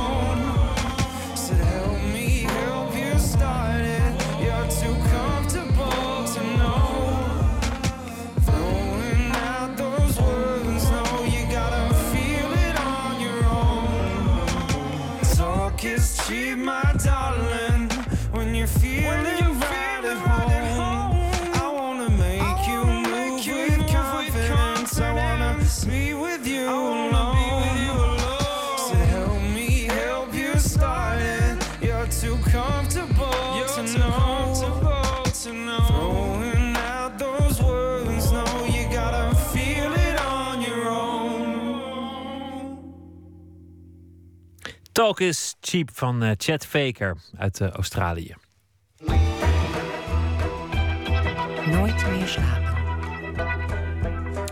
Overmorgen begint in Amsterdam het Logos Festival. Alles draait om het woord in alle verschijningsvormen. Er zijn programma's met literatuur, poëzie, theater en muziek. Aankomende vrijdag spreken rappers Stix, Aquasi en Sef over hun favoriete kinderboeken. Singer-songwriter Lucky Fons 3 en Twan Donk van Das Magazine zullen de mannen ondervragen. Verslaggever Nicole Terborg die blikt vast vooruit met Aquasi en Sef. Ze ontmoeten elkaar in Amsterdam in het Volkshotel. Ik weet in ieder geval dat ik nog echt een tijdje echt griezelboeken was wat, wat de klok sloeg, zeg maar. Dat was echt, dat, eh, dat was het ding. gewoon, ja. De grote Nederlandse cijfers, daar heb je geen zin in als je 15 bent. Ik was meer in mijn, van in mijn eigen tijd lezen wat ik zelf wilde lezen. Hoe bedoel je, lees dit?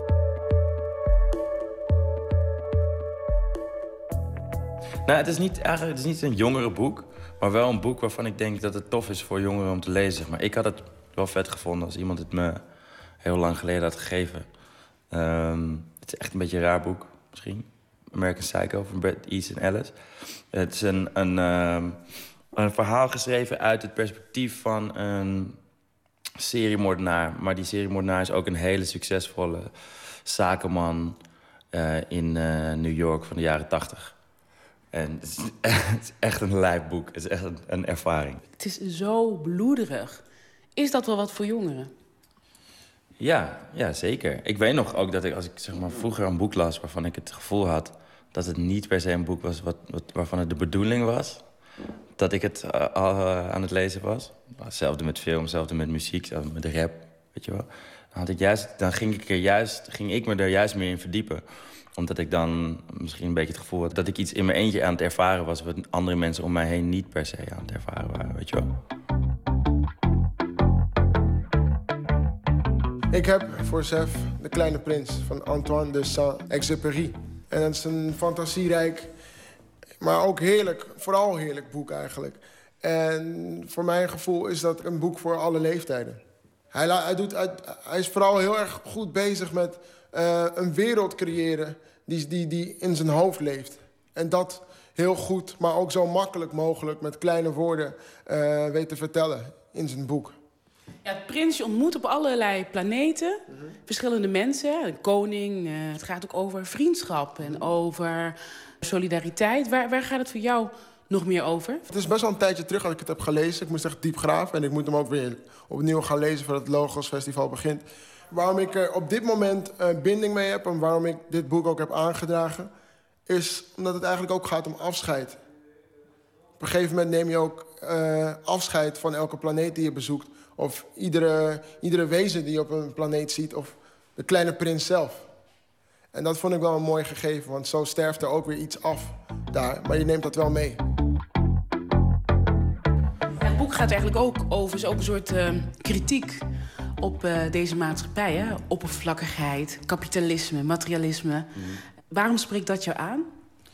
Het is kritiek op oppervlakkigheid en op materialisme... maar het is duidelijk ook wel met een bepaalde liefde voor datzelfde materialisme geschreven. Ik bedoel, de, de, de merken die worden omschreven... en de restaurants die worden wel zodanig omschreven... dat ik geloof niet dat, dat Brad Easton Ellis, de schrijver zelf... ik weet dat hij in de jaren tachtig ook wel van, van een feestje hield...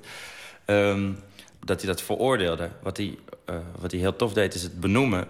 eh, maar zichzelf er niet eh, van vrijpleit. Hij weet zelf dat hij zichzelf daar ook aan meedeed. En zelfkritiek vind ik wel een interessant ding. Zeg maar. Ik heb het ook over materialistische dingen soms in muziek. Maar ik, ik zwak het ook af door te zeggen dat het helemaal niet belangrijk is. Dat Aan is welk nummer denk je dan?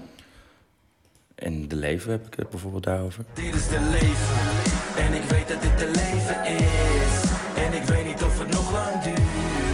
Zolang het er nog even is, geniet ik ervan. Als jij letterlijk iets zou moeten halen uit eh, De Kleine Prins, hè, jouw favoriete jongerenboek, wat zou je er dan uithalen?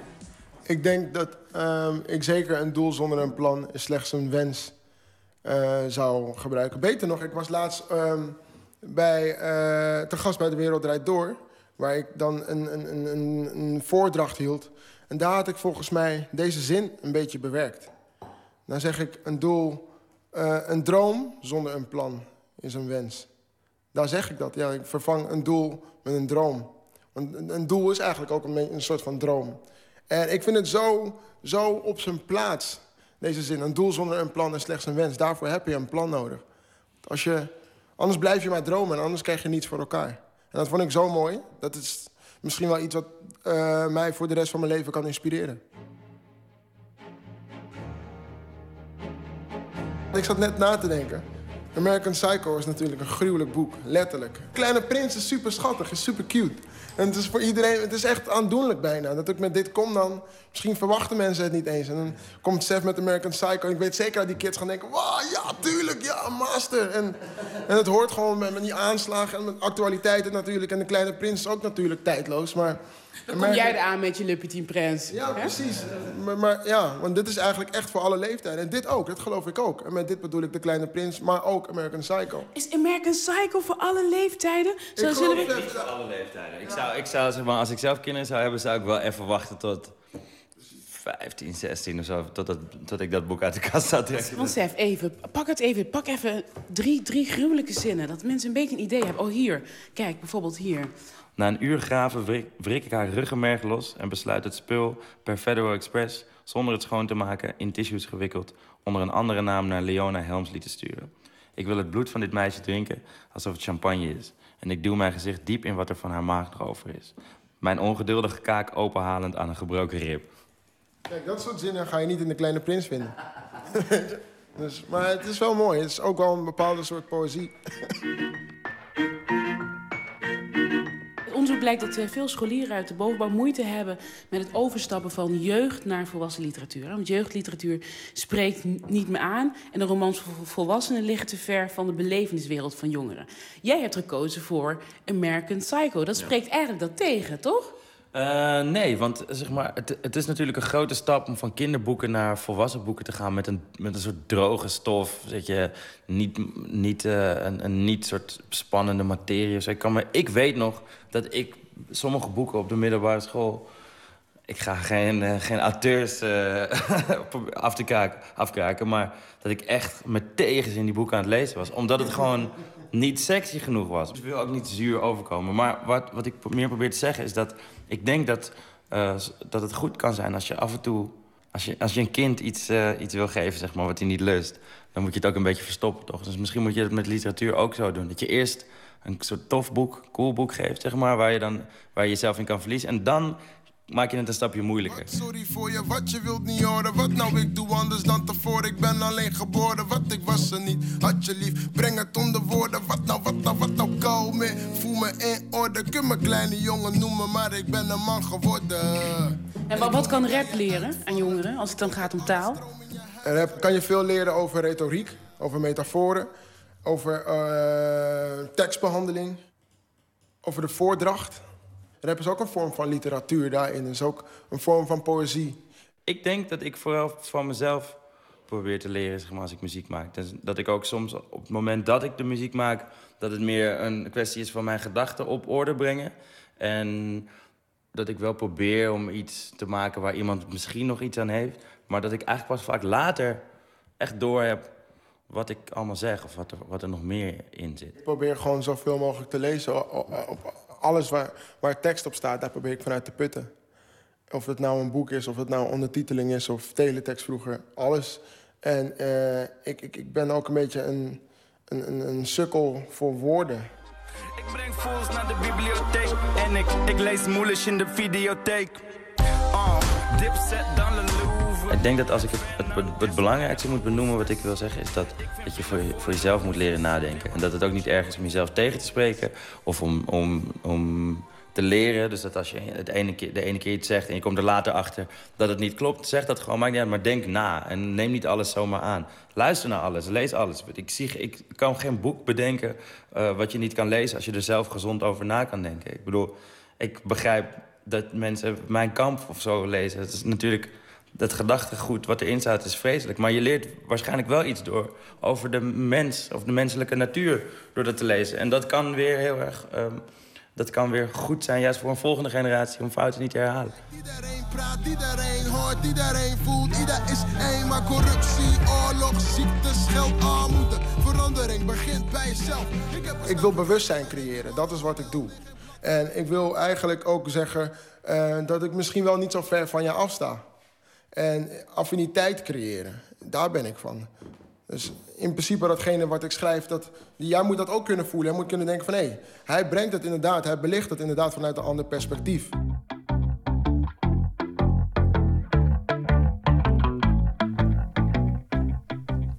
Het Logos Festival van 4 tot en met 8 maart in de Bali en de Krakeling in Amsterdam. Vrijdag aanstaande de rappers Aquasi, Sef en Stix in de Krakeling. Een bijdrage van Nicole Terborg was dat. Frank Ocean uh, veroorzaakte een flinke sensatie drie jaar geleden met zijn uh, album Channel Orange. De beste plaat van 2012 eh, genoemd door vele mensen die het kunnen weten. En daarna hoor je eigenlijk heel weinig van hem. Hij gaat niet voor snel succes. Hij gaat ook niet voor optredens in de media of wat dan ook. Hij werkt en schijnt hard te werken aan een compromisloze opvolger van dit meesterwerk. We draaien nog maar eens een van de mooie stukken van Channel Orange. Het nummer Sweet Life. The best song wasn't the single, but either.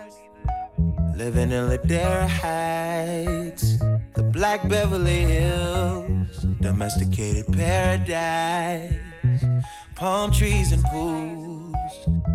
The water's blue, swallow the pill, keeping it surreal. Whatever you like, whatever feels good. Whatever takes your mountain high, keeping it surreal. Not sugar free, my TV ain't HD, that's too real. Grapevine, mango, peaches, and lime. A sweet life, a sweet life, sweet life. Sweet life, sweet life. A sweet, sweet, sweet, sweet life.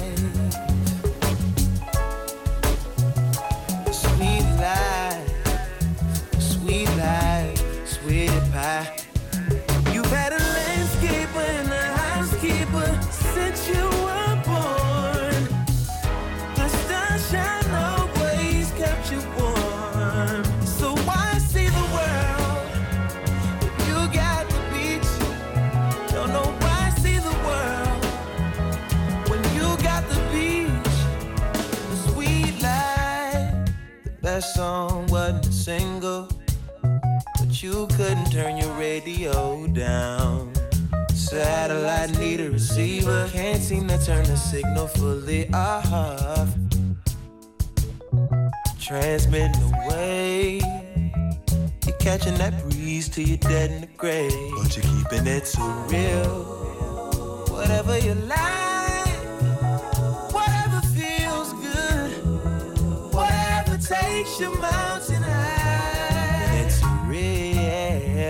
not sugar free. My TV ain't HD, that's too rare. Grapevines, mango, peaches, and lime. A sweet life,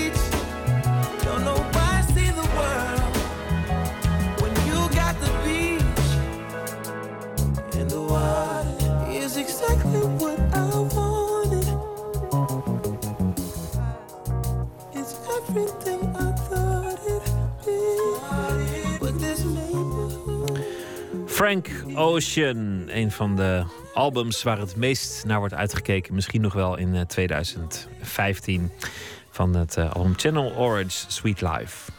Dichter eh, Pieter Boskma die zal eh, deze week vijf van zijn favoriete voor, gedichten voordragen. Veertien bundels heeft hij zelf al gepubliceerd. De meest recente heet Zelf en verscheen afgelopen najaar. Hierin staan eh, zelfportretten over het leven na de dood van geliefde. Hij begint met een eh, gedicht van de Australische dichter Les Murray.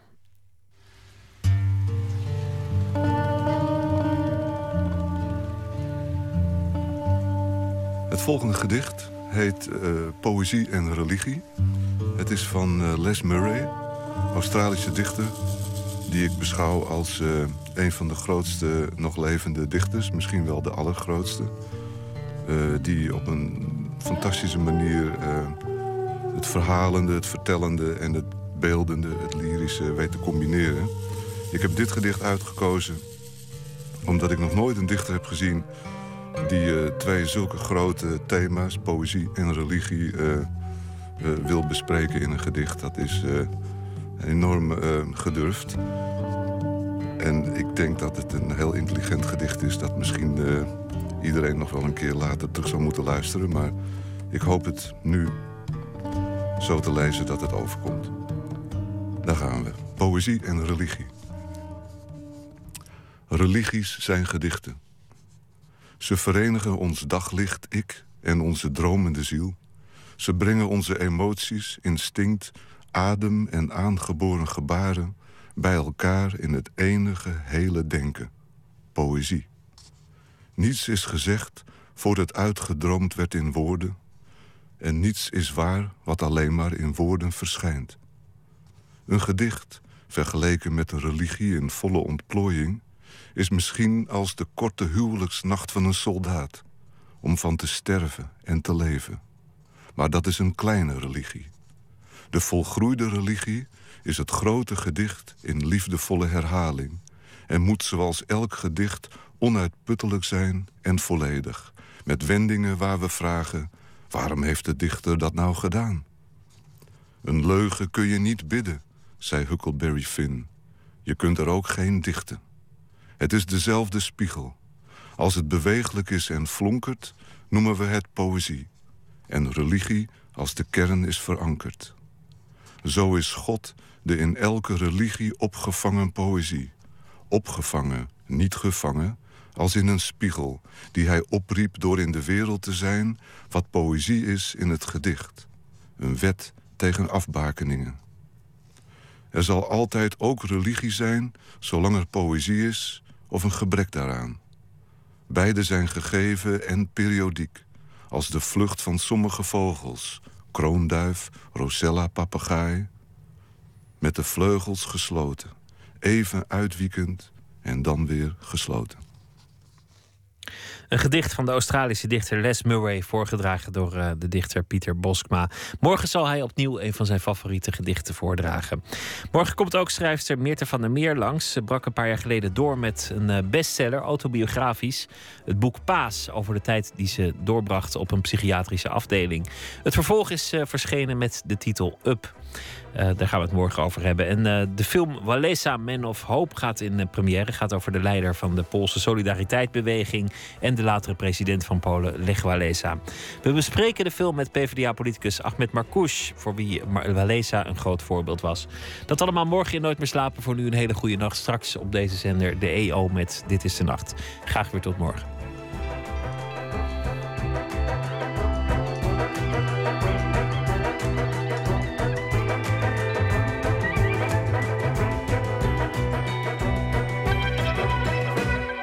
Op Radio 1, het nieuws van alle kanten.